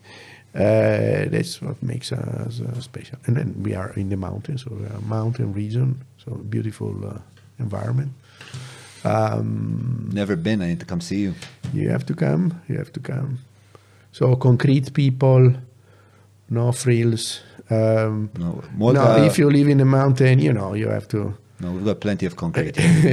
yes. concrete people. Maybe 100%. sometimes narrow-minded because if you live or with the mountain around you, you might not see far away. You see the the faces of the mountains, which is reassuring. is beautiful. You know, you grow up, you have the mountains around you. You recognize the mountains in every moment of the day, like faces of people in a family. You know, you see the noses, the eyes. So you are mm, also you feel reassured. When I go to in a place where there is no mountain, just a plateau, just a you know, and I look around and I see void all around me, I feel uh, unsecure, Vulnerable. vulnerable. yeah. So okay, there are many advantages of being in the mountains, and uh, Yeah, I, I mean, I, I was coming kind of to that conclusion in my mind that the fact that you were living you know, most of your life on that border between Italy and Austria, and you had Tyrol that then spoke German. Like, for sure, that must have, at the very least, contributed to the fact that you were comfortable dealing with different states at one go in your role as the head of OLAF. Uh, Giovanni, so I have more questions, but I'm saying that we have quite a few questions for you from our Patreons. So I'm gonna just jump into into their questions. Yeah. So this part is what we call Il Patroni Istaqsu, which translates to our Patreons asked, and it's sponsored by Maypole. Listen, have you tried Maltese bread? Mm, not really. This is a sin punishable by Maltese bread. We need to get them some Maltese bread. Please. So Maypole have oven-ready pies with various flavors such as ricotta, ricotta and spinach, goat cheese, chicken, prawn and chili, salmon and rabbit, as well as fresh sauces. But we really need to get this guy some Maltese bread. For more information, you can get professional advice from Maypole team on 22581-581. Better call Maypole. So here we go. So we have uh, our first question, which comes from Keith G. Uh, Keith G is asking, what parallels do you see, if any, between Italian mafia and the way organized crime is run in Malta? I'm not an expert of uh, of Maltese organized crime, and um, I think Malta, of course, is not immune. I think there are influences of Sicilian mafia here easily because you are close. Uh, so infiltration or influence of, uh, of them. But Malta has a a problem, which is that it is small. So, which might be a problem when you have to deal with such corruption cases or with important people, or- and also with organized crime, because these are big powers, also economically, and uh, you might not have uh, enough. Uh, distance. So Yeah. the, institutions who have to, to deal with it, they are not enough distance. Yeah. They cannot be distant because you are close, very close. Yeah. And uh, and then you are more easily influenced, and you might uh, find more difficulty in addressing uh, these problems uh, rather than uh, bigger countries. If I think of, of my beloved autonomous province of Trento, which is composed by 500 so of uh, five, five, Half a five- million five- like half a us. million, yes. And we should deal with the justice only within this province. It, I don't think it wouldn't work well. It's, it's very difficult. Okay, so maybe I'm not answering uh, completely the question. I, but- actually, I have a, I have a but- like a proposal that I like is is continually like uh, coming up in my mind. Is there like for for cases such as Malta? I don't know. Like maybe it's like a bit too specialized because we're just one state. But in these types of cases, should there be like, in your opinion, a police force that is like pan European that goes to a state and deals like have jurisdiction over a state uh, to and is able yeah, to yeah, pro, I- I- I like you know understand. like not Yeah, prosecute but like mm, what uh, I think is that there should be maybe not exactly what you say, but some di- international or transnational dimension in justice. Um can be in investigation. Uh, in cases which have transnational nature, you cannot investigate properly something, some crimes which are by nature of a, transna- of a transnational. So if you address them only from a national perspective and a fragmented per, uh, perspective. Secondly, you find big difficulties. I'm talking in general, not only for Malta. you find big difficulties in addressing cases on big powers, where big powers are involved criminal powers, financial powers, political powers. When those who have to investigate on it are too close yeah to the power. Maybe they are totally, um, for sure, totally honest. but maybe they're not Maybe they are not. But even if they are honest and they are too close, they can be easily confined. Yeah. Um, Manipulated and threatened and Mm, exactly, not only manipulated, threatened, blocked, prevented. Yeah. Um, uh, this is an issue which has many dimensions. For instance, I, I, I worked a lot and I still am engaged in Ukraine in anti-corruption. I am now into associations and we de- dealt with, with anti-corruption. There is also an issue. Th- That is not a small country. It's a huge country, actually. It's more than 40 million people they have corruption, rampant corruption, like in all, let's say, the post-Sovietic uh, countries. Now they have the issue of war, but uh, also the corruption has an influence on the war because if they, like in Russia, uh, where there is a lot of corruption, okay, but um, they cannot deal alone with uh, corruption. Uh, the judges, the prosecutors are not credible. They are appointed by the politics. They are influenced by the politics. They are also so corrupt that they act as a band by themselves, by their own interests. So we have experimented there already and successfully the intervention of international experts, both in, uh, in the process of selection of uh, the judges or revision of their, uh, let's say, integrity, and also in investigations. It might be felt like a, uh, let's say, a lost or partial loss of, uh, of national sovereignty. But actually, it's not. Uh, it's, it's an improvement of the capacity of, uh, of a country to deal with this. Yeah. Uh, and uh, for some events, like uh, the one you had here, um, uh, the very, very sad uh, assassination of Daphne Caruana, and um, or others, I don't know. I remember also in in Lebanon when uh, there has been this huge explosion in the in the port of. Uh, uh, so uh, where politics, uh, power, local powers are involved, and where there is a desperate need of truth, and where there is no trust in local authorities, I think uh, that's another example where um, some international, uh, let's say, participation Yeah. could um, could give more independence, more courage to to the locals who are independent, and also more uh, more trust. You don't Yeah. need to set up a police for this.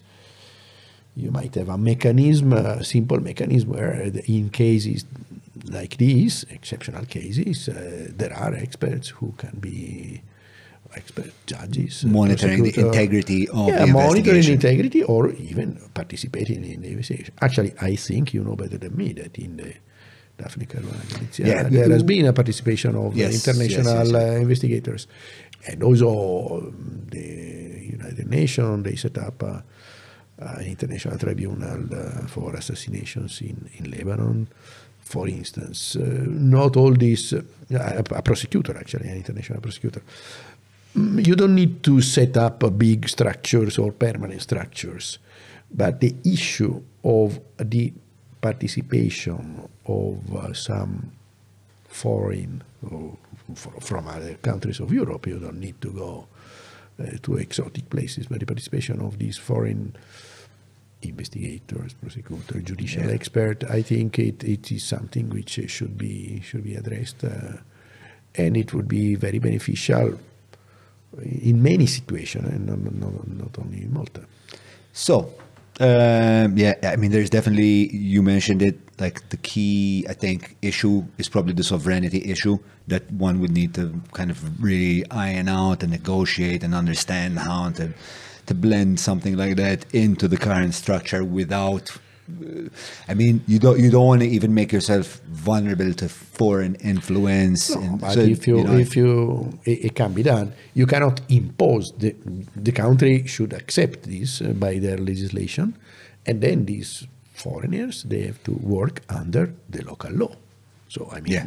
it's not But what uh, it's happens not that they have. Uh, what happens when the you know the, the, the people enforcing the law in Malta are not credible?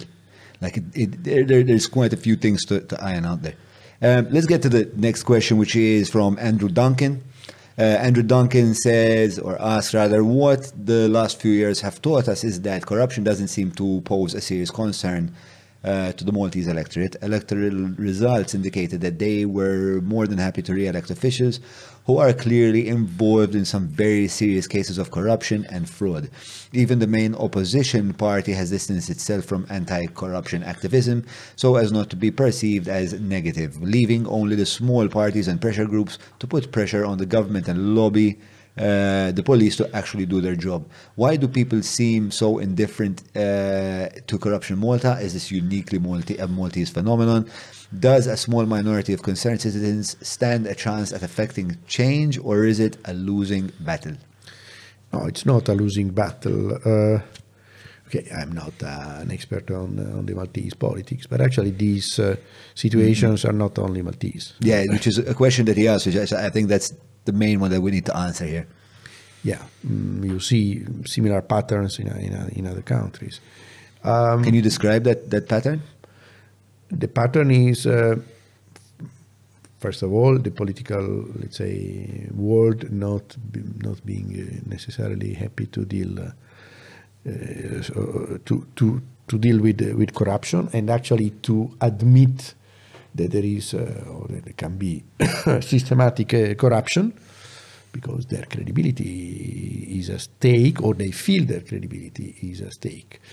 Um, and there is another phenomenon which I would call uh, maybe, in some cases at least, uh, it's uh, the assuefaction, assuefazione. Um, uh, What is the word in Italian? assuefazione. Is that one word? Yeah, yeah.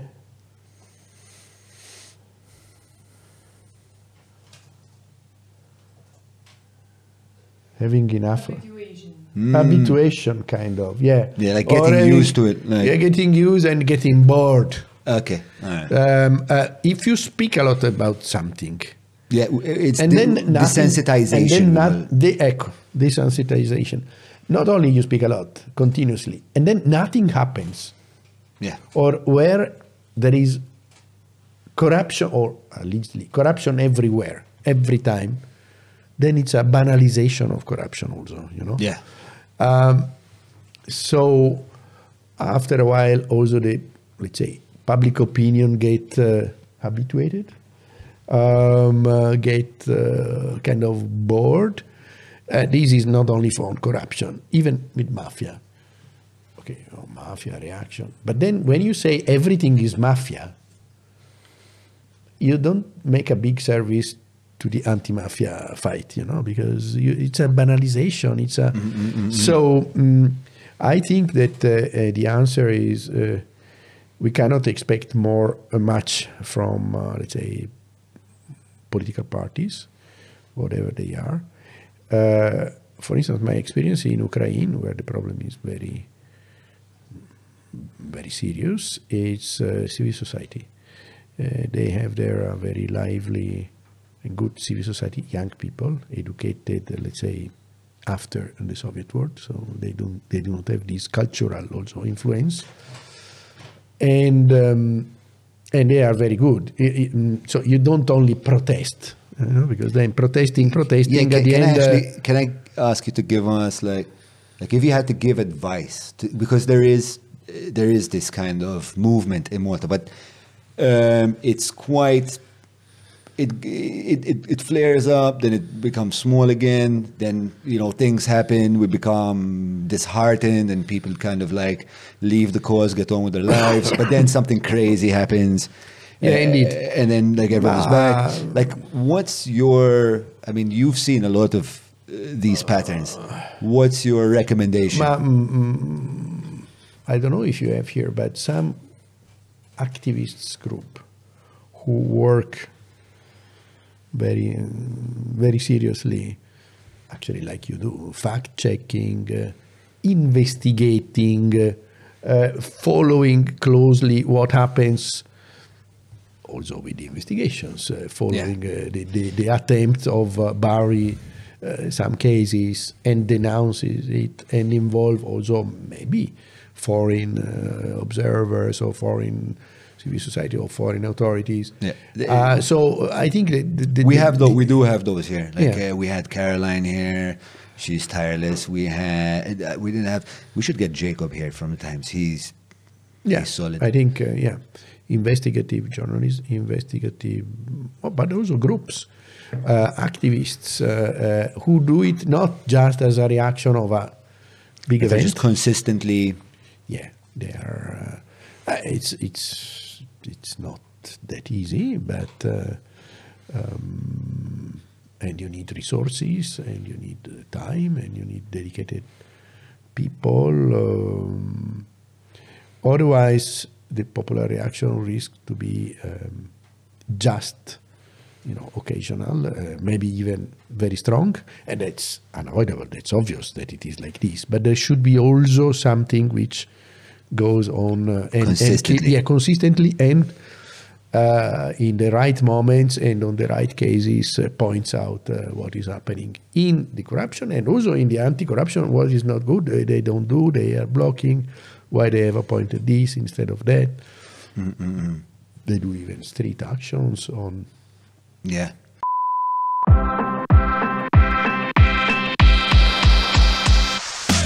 Għalfejn sirt patrun. Sir patrun, għan biex taraġġu għandu xirot nejbirra, I mean, not diffiċli, so I figured out li 5 euro ma nejbirra, so you know it. Poddati bħal dawn em, bżonnom li s-suq ħieles mux sejħallas għalihom u probabbilment laqas il-gvern. Allura xaħat trid ikun. Xar ta' sħubija jiswini ftit zejr iktar minn kafe, wieħed minn barra, però fuq not iktar eh, ħanejdu hekk serja, għax nemmen li l-podcast joffri pjattaforma ġenwina u sinċira. It's a good podcast, u kont uh, bdejt nara mill-bidu. Kien hemm il-podcast ta' Marka Milleri, kien maqsum fit tliet biċċiet, u tliet biċċa kienet fuq Patreon biss. U dak kien biex il-verità l-aħħar imbottatura li kelli bżonn biex nidħol bħala patrun. U mbagħad bqajt hemmhekk jiġifieri l-kontenut esklusiv li minnu għal patruni huwa ta' valur verament tal flusek. Xi kultant jgħidu xaġa fuq il-podcast tkolltilhom qabel u ma jaraw wara fuq YouTube u jgħidu, ma kif kont taf? Naħseb li l-pajis għandu bżon dak il-fertilizzant li qed jitfaw dal-poddati għaxaw nixfa tremenda. Isu kien hemm ħassejt il-bżonn li ikun hawn komunità li tisma mhux biex tirrispondi imma biex titgħallem. U għandna bżonn naħseb nit- nitalmu nisimgħu biex nitalmu, mhux nisimgħu biex nirrispondu. affarijiet bħal ma jagħmel John li jkollu nies li actually qed jgħinu dan it-tip ta' proġett it's an actual need biex affarijiet hekk actually jirnexxu taf kif. Is-sodisfazzjon tiegħi li tajt għal xi ħaġa li toġobni minn jeddi.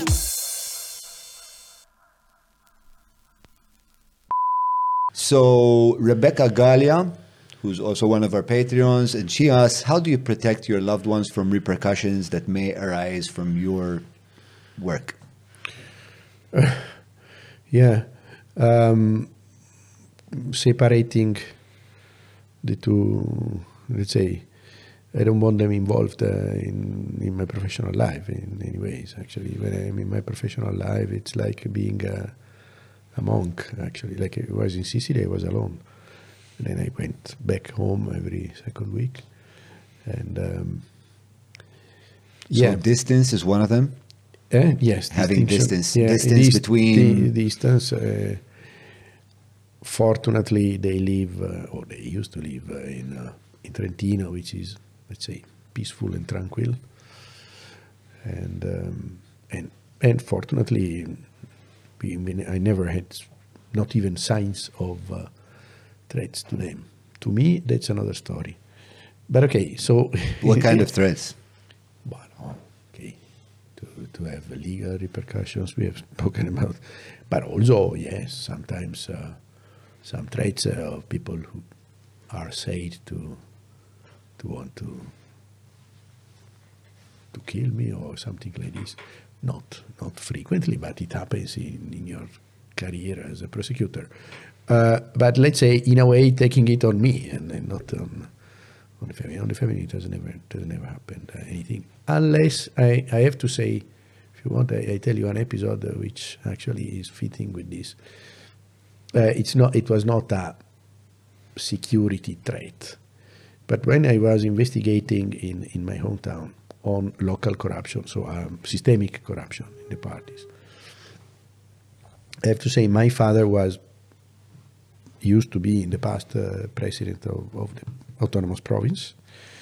Uh, I started this investigation years after he had passed away, so I was not investigating on him because there was nothing on him. But then, when the investigation reached uh, top levels, actually, of, of the local corruption, I've been addressed. I've been, yeah, by a say a person I knew very well, who said, "Look, there is this politician, hmm, local politician, who says that if you go on with the investigation, he will disclose uh, serious whatever corruption or crimes that your father has also committed. So he, he will slander him. into his. uh, ruin his reputation." Was your father alive at this time? No, no, no, no. Still, you okay, ruin his memory. Um, of course, my family, certain and I said, I will go on, and I went on, of course. And uh, you do whatever you want. Uh, I mean, I don't, uh, I don't stop. I informed uh, my my colleague. We were in two investigating together, and we went on, and we put in jail some relevant politicians there. They've been all uh, convicted. Uh, but then what happened? That this person went on a newspaper and said uh, that my father was also involved in the corruption. Actually, he was not able to quote or to mention one single episode. He just slandered. So, and I knew that if they had something like a shred of evidence, they, they, would have, they would have, they would have told me first because they would have been much more convincing maybe Yeah. and they didn't do of course my family my mother my brother were not that happy they have been good with me but in a way they looked at me you know you do this it's your job. Okay. But the consequences in a way are also on us. Yeah, sure. the consequences of a, it was a very generic slandering and at the end uh, nothing. Nothing but, came out but you know it was a threat and uh, and uh, which involved uh, in a way the memory of my father. And it is my, my family. But it was not a security threat. This i never had. So I have. There's one last question, and I have a kind of question. Let's let's see if. Uh, yeah, we should have time for that. So Adrian Camilleri, uh, us. It's been. Uh, 30 it's been 30 since 30 years i'm assuming yeah. it's been 30 years uh, since the murders of falcone and borsellino is it is italy in a better place today with respect to influence of the mafia camorra and ndrangheta so the ma- so camorra and ndrangheta are types of mafias yes, i think what yes, he's trying yeah. to say is camorra cosa nostra and ndrangheta i'm presuming Yeah, yeah, but uh, we call we can call it also mafia, Camorra. Camorra it's uh, more in Campania, Naples and- Naples, and, um, and Ndrangheta is uh, is Calabria, um, and mafia is uh, Sicily, the, the real mafia. So, then mafia it has become a name which uh, for all Italian for all organized Italian, crime. even we speak about Russian mafia, we speak about uh, Sure, yeah, yeah, yeah. Chinese mafia. It has been, it has become a name. Um, but definitely, yes, yes, yes, yes. This, uh, we we touched the bottom at that time. We touched the bottom, and as I said, uh, there has been a popular reaction, an unexpected popular reaction of solidarity all over Italy, spontaneous solidarity of the people with judges and, and prosecutors, and also huge protests, in particular the funerals, at the state funerals uh, Eh, of the, the assassinated judges. The politicians have been aggressed by the people because the people were totally, uh, you know, helpless and they couldn't, they couldn't, they couldn't stand it any longer.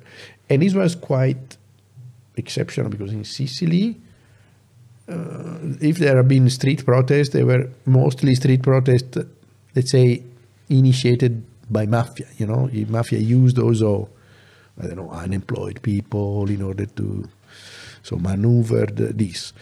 Um, so uh, the political power at that time in Rome understood that if they did, if they did on something extremely, let's say, Radical? radical, uh, nothing would. So they, they would have been in, in serious, uh, let's say, situation. Um, and new laws have been um, introduced. For instance, the law which allows the, the pentiti, uh, because earlier on they said it's impossible. People from mafia they will never, and indeed they, they were wrong because it, it worked very well. Prosecutors from all over Italy, certain prosecutors could go there. The army has been involved and also which is a necessary part of an anti-mafia strategy like the anti-corruption strategy there has been a change in the in the public opinion especially in the Sicilian public opinion in the youngest people no more collusion with mafia. So the culture of rule of law legality uh, there has been a big improvement in all these fields in the security field in the judicial field in the laws the investigations. So we are now in a f- far much better situation. Than in the time of Falcone and Borsellino. Yes, definitely so. Unfortunately, we needed the, the blood of of them uh, to to reach uh, these good results.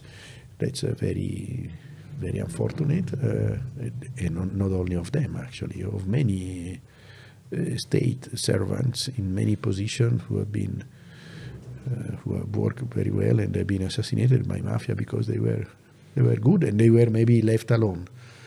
Now the situation is radically different.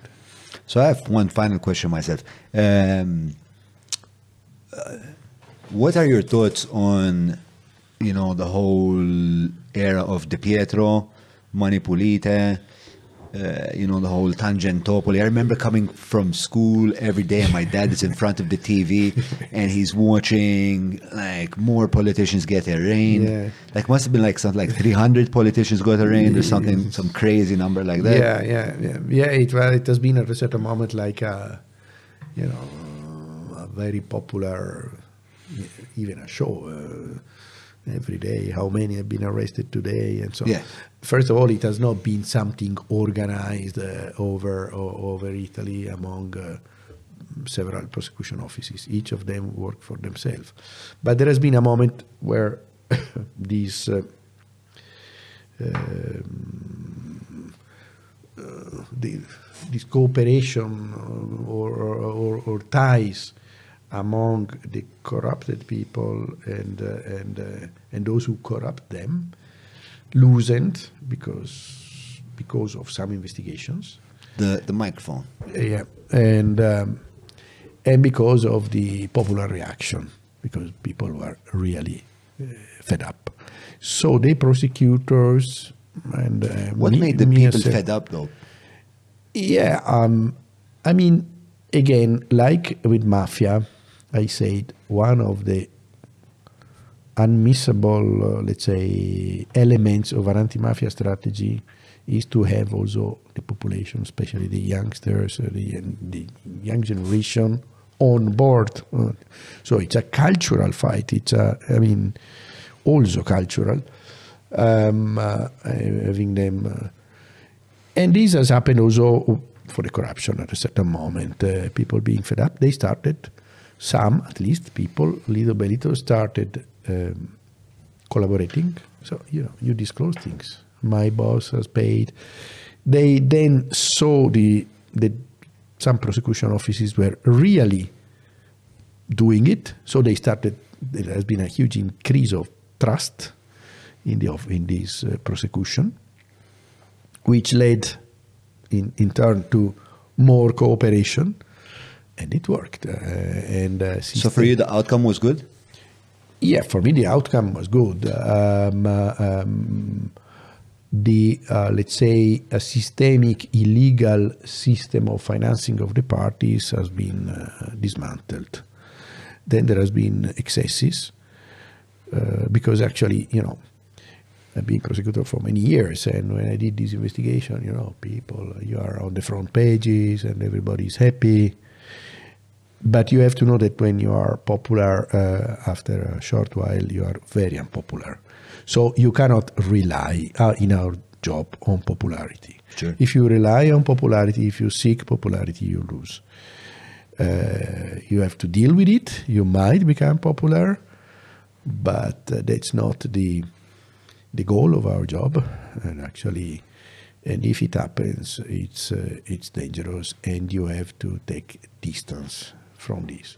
This has not always happened, and has led to some. So, to, to, to be some some of us has been too much influenced by by this, and then you get into errors or yeah, or or delusions. Uh, so our job, it's it's not an easy job. Uh, you are uh, you are in, in front of the people and in front of everything you you do is scrutinized, Sure. rightly so. Yeah. Is loved by someone because if you if you attack or if you investigate of their enemies, they are very happy. But you have to know that if you investigate on them, then yeah. uh, I mean, yes. So we have to be aware of this uh, and. Uh, Yeah. So, uh, Mr. Kessler, uh, thank you so much for coming over. We had a really good time. I think uh, everyone out there also had a, Hope so. a very informative afternoon, no, evening. Yeah, evening. It's what a long one. Uh, how was the experience for you? new this kind of conversation um, never happened but i think it's a it's a good way to get uh, let's say free conversation and hopefully also uh, true conversation and uh, informative and useful Yeah. for someone We try to give a platform where you know anyone that comes here has all the time in the world to really explain himself. You know, and it's a bit different to TV where it's No, like you have thirty seconds. completely to- different and uh, much better And I'm sure the country is gonna tune in. I'm sure a lot of people are gonna be very interesting interested in what you have to say, and I'm sure they're gonna find a lot of value in what you shared with us today. So I I'd like to thank you. Uh, you know. Um, my, my, my team is also like we've we've had a chat in the break. Everyone's really happy. So that's all from us today. But before I close, I'd obviously like to thank our sponsors that make uh, these kinds of shows possible. Those uh, those sponsors are Maypole, Derek Meats, Free Hour, Stretta Beer. Do you like the beer? Yeah. We have plenty more. Uh, and ice. I made sure that. Uh, let's thank uh, Kutricon, uh, Garmin, ECAB, State of CBD, Shoulder Compliance in the house, as well as Agenda. Thank you uh, for all our Patreons for being here, for all our Patreons for supporting us. You have no idea how much we rely on your support. Patreon.com forward slash Jon Mallia. If you want to be part of our community and continue to support the work that we do, follow us on Facebook, Instagram, TikTok, and all that stuff. Um, and may I remind you that this conversation is also being broadcast on Lovin Malta. Thank you and have a wonderful evening. thank you for this opportunity thank you Pleasure. Absolute pleasure. Thank you.